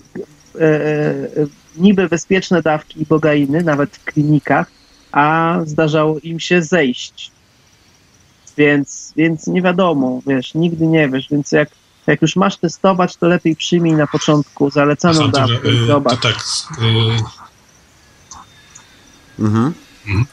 Rozumiem, rozumiem, że y, faza Tak? jest Nie- po nie prostu. słyszę, y, nie no, słyszę- nie jeżeli na słyszałem przykład pytania. próbowałem LSD, to mogę się spodziewać mniej więcej z pewnych zbliżonych efektów, tak? Nie, y, nie, nie porównywałbym. Powiedziałbym ci, że z tego co ja słyszałem, a znam ludzi, którzy po prostu. W... Okej, Wiesz co, bo są problemy tutaj z łączem, ale chciałem spy- to może rzuć pytanie po prostu i postaram się odpowiedzieć. Może w ten sposób. Halo? Halo? y, Że- czy, czy efekty są zbliżone do LSD? Okej, to ja cię zrzucam. Okej, poczekajcie. Okej, dobra. Pytanie było. Słyszysz mnie, Kuba? Teraz o nie słyszysz, Kuba. Halo, halo? Tak, już słyszałem, Okej. pytanie słyszałem. Mhm. Dokładnie, to co ty Halo? myślisz? Y, No, Antyszwed się już rozłączył, tak, zostaliśmy we dwójkę, mam ostatnie pytanie, na które odpowiemy. To pierwszy odpowiadasz ty, a później ja pędzę, myślę. Okej, e, nie da się tego porównać ogólnie, ponieważ to jest zupełnie inna klasa substancji, a e, ogólnie ibogaina to jest analog melatoniny. To jest tak, jakby cię po prostu wystrzeliwuje totalnie w ten świat e, snów, ale jednocześnie jest to jakbyś taki psychodeliczny świat snów. E, I, to jest, są bardzo dokładne wizje, których możesz po prostu tam e, prześledzić całe swoje życie, wszystkie najdrobniejsze powiązania z rzeczywistością fizyczną, jaką utworzyłeś w toku tego życia. I czasami po prostu niektórzy po, po doświadczeniu czegoś takiego, albo po doświadczeniu tego piekła i nieba, e, w ogóle życia, bo niektórzy też tak to klasyfikują doświadczenie i bogainy, niektórym się nie chce wracać już do ciała fizycznego. I mało ich obchodzi po prostu już to ciało fizyczne. Więc no, nie wiem, czy to się da tak porównać. A ty jak myślisz, Tomaszu? Hmm, hmm. Trzeba proszę zrobić mi miejsce tym doktorem. Zrobić mi miejsce, proszę się odsunąć tym doktorem. E, no właśnie, więc e, ja się dowiedziałem e, troszkę, że jest to robione w trochę inny sposób i biali w ogóle, którzy się tam dorwali do ibogaminy, robią to nawet naukowo, robią to w tak dziwny sposób, który po prostu dziwi troszkę bushmenów, bo oni mają bardzo takie radykalne podejście i są specjalni szamani, którzy robią z tą, z tą ceremonią. Nigdy nie ma, nie jest jeden, a czy niby jeden jest, ale właściwie jest chyba dwóch, czy jakoś tak, czy trzech na zmianę. Bo taka mała dawka, którą, którą się do, dostaje, to jest dawka na poziomie, która cię po prostu kładzie na dwa dni. Tak dosłownie, po prostu w pierwszy dzień leżysz, tak, tak leżysz, bez sparaliżowany po prostu i masz pierwszą część tripu, czy jakby opuszczają cię wszelkie, wszelkie rzeczy z doczesnego świata, to jakby proces umierania trwa czasami jeden dzień, a proces narodzin trwa drugi dzień. Cały czas jesteś jesteś po prostu, leżysz, jesteś w transie i drugiego dnia czasami masz drgawki, kiedy zaczynasz powoli wracać. To ciało powoli wraca. No i o czym jest mowa w ogóle? To jest ceremonia robiony dla e, chłopców, którzy są, nie wiem, gdzieś w okolicach 14 chyba czy 15 roku życia. Jest to część ceremonii inicjacyjnej, jest robiona tylko raz w życiu. Normalnie w Afryce, w tych plemionach to jest... e, to jest, zdaje się, Kenia. Zaraz. To jest generalnie chyba jakieś takie. Nie, bo to nie jest cała Afryka, to jest po prostu kilka miejsc w Afryce, gdzie ten, y, gdzie ten kult i bogi istnieje. Szef Tak, chyba tak, te, tak. teraz aktualnie, żeby było zabawniej. y, Prezydent Kongo właśnie jest, jest jednym z ludzi z tego klanu i właśnie i bogi. Ten, y, ten nowy prezydent Kongo. Bo to są, to jest trochę tak jak z ayahuaską troszeczkę, że tak yy, Indianami, że niektórzy na przykład z przywódców społeczności też, też jakby praktykują ayahuaskę. To tam jest podobnie. No i tam jest to w ten sposób, że właściwie robisz tylko raz, kiedy jesteś, kiedy masz ten, yy, ten moment in, inicjacyjny. No i polega to na tym, że kładą cię na te dwa dni. No i są te śpiewy nad tobą i generalnie spotykasz przodków, wszystkich przodków całego plemienia, całego swojego życia. Całą swoją linię, na przykład męską, która ci opowiada historię twojego plemienia i historię całej ludzkości i ciebie na tym świecie. Od początku do końca. I to jest moment, kiedy zrywasz y, dosłownie i w przenośni i we wszelkim możliwym aspekcie swoje więzi z doczesnym światem. Przestajesz być chłopcem. Automatycznie, jakby dostajesz, no to jest takie do, tak dorosłe doświadczenie, że automatycznie wszystkie doświadczenia dziecięce po prostu blakną. Znaczy stają się po prostu innym światem i rodzisz się na nowo i wszyscy wojownicy w tych plemionach to są tak. ludzie po ibodze. Nie możesz zostać wojownikiem, jeżeli nie przejdziesz po ceremoniału ibogi. Jest właśnie robione tylko, tylko raz. Właśnie to jest zabawne. Jest tylko raz robione. Nie ma czegoś takiego jak dwa, jak mniejsza dawka i tak dalej. I niektórzy autentycznie niektórzy nie są w stanie przeżyć, ale to jest, y, szamani twierdzą, to są rzadkie wypadki, ale się zdarzają, że ich, y, że ich duch nie był na to gotowy, że to się po prostu musiało tak wydarzyć. To jest taki... Tak. Tak dziwnie, bo to nie jest traktowane jako zabójstwo. Rozumiesz, że zmarłeś podczas ceremonii, akurat tej ceremonii. To znaczy, że, tak. że naprawdę stary byłeś tu przez przypadek i że nie powinieneś tu być. I cię odesłało z powrotem. I to jest taka substancja, która, y, jak twierdzą, jakby naprawia wszelkie błędy natury, które mogły powstać po drodze. Wiesz co no. chodzi, po prostu jeżeli, jeżeli nawet się przez przypadek tu pojawiliśmy cokolwiek, to po prostu łapią za i Bogę i Boga wyrównuje stan po prostu tej planety i ona jakby nie, nie odkrywa nas z nami, tylko odkrywa po prostu nas dla świata. Hmm, tak, bardzo ładnie to opisałeś wszystko. Ogólnie. Dziękuję, ja się spociłem troszkę. No właśnie. Biali, ogólnie biali, biali zmodyfikowali ten rytuał, ułagodzili go, dostosowali go do siebie, dostosowali go do leczenia też uzależnień, ale e, te tradycyjne zastosowanie ibogi, ono jest bezkompromisowe, ono jest bezlitosne. Po prostu kto się nie nadaje, kto odpadnie, to po prostu odpadnie. I tam e, i, i, oni po prostu nie wnikają to dają ci wysoką dawkę i, i, i po prostu albo przejdziesz, albo nie. Hmm, dokładnie. Nie ma to tamto, proszę Państwa. Tak. I tak to się, i tak to się robi, tak to się robi. To my tak cywilizowani jesteśmy tam, może troszeczkę może. Och, to jeszcze poprawimy, ale to może za tydzień, rozumiesz? Co, no, ale niskie, dawki, niskie dawki bogainy są bardzo skuteczne w leczeniu Właśnie, bezsenności, uzależnień no i różnych innych rzeczy, więc mogą być też bardzo potencjalnie dobroczynny wpływ na organizm. Tak? A o co chciałeś zapytać? Słuchaj, ostatnie pytanie już y, i będziemy kończyli na dzisiaj. Dobra. E, słuchaj, jak się czujesz z tym, z tym takim naukowym podejściem do badania tych substancji? Chodzi mi o te, wiesz, zapisywanie tego wszystkiego w kratkach i tak dalej, wiesz, to jest po prostu tak poza, out of the box. Rozumiesz, to jest tak, e, ja zawsze się zastanawiam, czytając, jakby, prze, prze, wiesz, przeglądając czy to pracy z Maps Foundation, czy skądś tam na bieżąco, zawsze śledząc wszystkie te rzeczy, czy, czytając twoje sprawy, no nie? Mhm. się zawsze zastanawiam, jak to jest, słuchaj, bo to jest, musi być naprawdę taka ciężka mordęga, wziąć po prostu takie doświadczenie, które jest kompletnie, wiesz, out of space i no, ciężko jest to zapisać w, po prostu w papier, włożyć, wiesz, poszegregować. Oj tak, oj tak, oj tak. Wtedy trzeba po prostu oddzielić całkowicie ten świat. Trzeba oddzielić ten świat duchowy, trzeba oddzielić świat wizji i e, od tego świata takiego namacalnego, fizycznego, takiego twardej nauki i, i i po prostu e, potraktować to, to, to, to, to, to, to twarde fizyczne fakty i zapisywanie tych, tych jakby widocznych efektów fizyczności e, jako takie dobre uziemienie. Mhm. Jako po prostu uziemiacz tego wszystkiego, a, a, a, a, a te pole, te takie duchowe, tych wszystkich wizji, tych nieprawdopodobnych rzeczy, po prostu e, e, to potraktować jako bardzo ciekawe wyzwanie, jako dobre pole do, do ciekawych hipotez i jako e, eksperymentalne pole, które z czasem znajduje coraz więcej potwierdzeń w rzeczywistości fizycznej, tak jak na przykład ostatnio badania, które wykryły e, DMT w szyszynkach szczurów, na przykład. Coś, co było hipotetyzowane wcześniej, co było widywane w wizjach wcześniej, no zostaje na przykład teraz pośrednio odkryte w szyszynkach szczurów, więc pewnie siłą rzeczy z czasem odkryjemy też w szyszynkach ludzi. Wiesz, ja, myślę, ja myślę, że jest. No inna sprawa, jestem przekonany, bo jak wszystkie efekty działania są. Ja też jestem, ja też jestem e, do tego przekonany, no ale wiadomo. E, Co ciekawostka.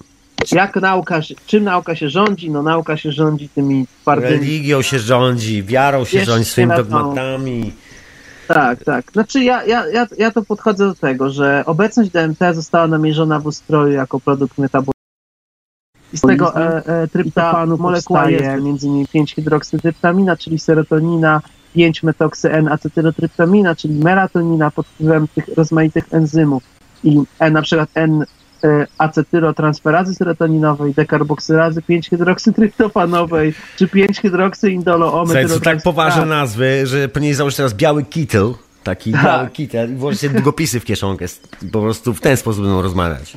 No, dlatego, dlatego kończąc już, koncept biosyntezy DMT w centralnym, w ośrodkowym właśnie układzie nerwowym, czy nawet właśnie w szyszynce, jest więcej niż bardzo prawdopodobny. A jeszcze badania, a jeszcze te badania, y, y, które potwierdziły obecność DMT w szyszynkach szczurów, to jest po prostu już właściwie przedsiony. Słuchaj, wiesz co mnie zaintrygowało z DMT? Badania, które potwierdzają istnienie, jakby wiesz, bo z, saki to saki, ale się okazuje, że tak, delfiny bo chodzi, znaczy to nie są badania, które potwierdzają istnienie DMT, może w ten sposób. To są badania, które były robione pod kątem, pod kątem istnienia, potencjalnie istnienia DMT, ale pod kątem badania szyszynki, czyli że jeżeli masz taką, a inną y, strukturę budowy organu wewnętrznego, to powinien produkować taką, a inną substancję. Chodzi o tak, wiesz, klasyczne po prostu trzecie oko, czyli szyszynkę. No i się okazuje, że wiesz, że y, nasze węże, od których dzisiaj zaczęliśmy rozmowę, mają dokładnie tę samą historię. Też wygląda, że mają DMT. Mm, właśnie. Myślisz, że chcą nas wygryźć z planety? Myślę, że już dawno to zrobiły. to miała być tajemnica. Shut up. Słuchaj, zaciągnę cię z powrotem na przyprowad... znaczy przyciągnę cię tu do Radia Sport na kolejne rozmowy, bo chciałem cię popytać w ogóle na przykład o no właśnie o kwestie węży, smoków, DMT i jakby spraw związanych z tą, z tą częścią opowieści. Anunnakich i innych Dokładnie, tak? dokładnie, bo no. też mam na to, mam na to jakiś własny koncept, ale czuję taki, wiesz, niespełniony w tych własnych konceptach na to i po prostu bardzo chętnie posłucham. Super sprawa, okultyzm wśród elit, te linie rodowe, starożytna e, symbolika wśród e, właśnie tych rodzin elitarnych klanów, okultyzm, kabała. No to wszystko jest bardzo ciekawe i warto o tym też pogadać. To, to jest ciekawe i powiem Ci, że było zabawniej, są, są jakieś dziwne ślady finansowania na przykład fundacji, która finansowała w ogóle badania na przykład związane z LSD, Timothy Leary'ego i tak dalej, z y, fundacji, która stała właśnie za tymi, wiesz, eksperymentami w Berkeley. I są to hmm. ludzie, cokolwiek będziemy mówić, związani dosyć mocno z czymś, to nazywamy, no właśnie, okultyzmem. Hmm. Jak się nazywała? Y, och, no nie przypomnę sobie teraz w tych wszystkich nazwisk. No to też jest takie ciekawe w ogóle. Jakby wiesz, wokół tematu roślin, y, które zmieniają tożsamość, kręci się masę ludzi. Hmm, tak. To jest, to jest fenomen tej historii. Ale o tym następnym razem, przy pana. Tak, next time. Dokładnie. Ja dziękuję bardzo serdecznie za strasznie długo w ogóle. Sorry, że cię przytrzymałem. Miał być krócej, a widzisz, przytrzymałem cię. No ja też dziękuję, fajnie bardzo było. W ogóle czas zawsze leci jak z bicza, tylko jak się gada o tych tematach, po prostu nie kontrolujesz tego wręcz. Dokładnie, lecimy do rana. Dokładnie. No. Dobra, to jeszcze raz dziękuję w imieniu, w imieniu swoim, myślę, że w imieniu wszystkich słuchaczy. My tu się zgadamy jeszcze poza anteną i myślę, że słuchaj, no jak najszybciej jak się da, cię ściągam i pogadamy na właśnie na temat ana, Anuki, Ananuki. I może to będzie dobre, żeby to właśnie połączyć właśnie z owymi, z owymi mrocznymi roślinami. Bo myślę, że jest to w jakiś sposób z nimi związany, w pewien dziwny sposób. No, no poniekąd też, tak, tak, tak. Także może coś tam być w tym temacie. Także słuchajcie, wiecie co się będzie działo. Kuban, dziękuję bardzo serdecznie za przybycie. Peace and Dziękuję. Bardzo, bardzo przyjemnie Duży, duży uścisk ode mnie. Przytul tak. się, człowieku, przytul się po prostu. Nawzajem, dobra. dokładnie, dokładnie. Za tej miłej nocy. Słuchaj, jeżeli chcesz zostać z radiem, proszę zostać na słuchu, bo zapraszam na wieczorową porę wszystkich słuchaczy, także radio dalej nadaje jeszcze na antenie. Okej. Okay. Także dziękuję jeszcze raz. Ja też również dziękuję bardzo. I do miłego usłyszenia. Okej, okay. do, do, do zobaczenia, do usłyszenia, pa. To był Kuba, słuchajcie, a wysłuchacie jeszcze ostatnie minuty hiperprzestrzeni. Doskonały gość, wyborny gość, niesamowita wiedza, niesamowita ilość informacji. No proszę bardzo, to, to się nazywa psychodeliczna historia. Dokładnie. I to było tyle na dzisiaj, proszę Państwa. Także dziękuję bardzo wszystkim za słuchanie hiperprzestrzeni, wszystkim e, słuchaczom Radia na Fali, Radia Paranormalium, które transmituje hiperprzestrzeń. E, dziękuję wszystkim obecnym na czacie za bycie tutaj obecnymi. Wszystkim tym, którzy oczywiście słuchali, słuchają tego live i oczywiście ani nie są na czacie, ani nie są nigdzie widoczni, tylko tak sobie się, się cichutko słuchają, także Was też bardzo serdecznie pozdrawiam. I pozdrawiam wszystkich tych, którzy słuchacie tego gdzieś teraz właśnie jako podcastu o zupełnie dziwnej porze, niewyjaśnionej godzinie, w niewyjaśnionym miejscu i nieoznanym czasie. Pozdrawiam Was. To było tyle z tej hiperprzestrzeni. Zapraszam na kolejną, moi drodzy. I zapraszam oczywiście na wieczorową porę.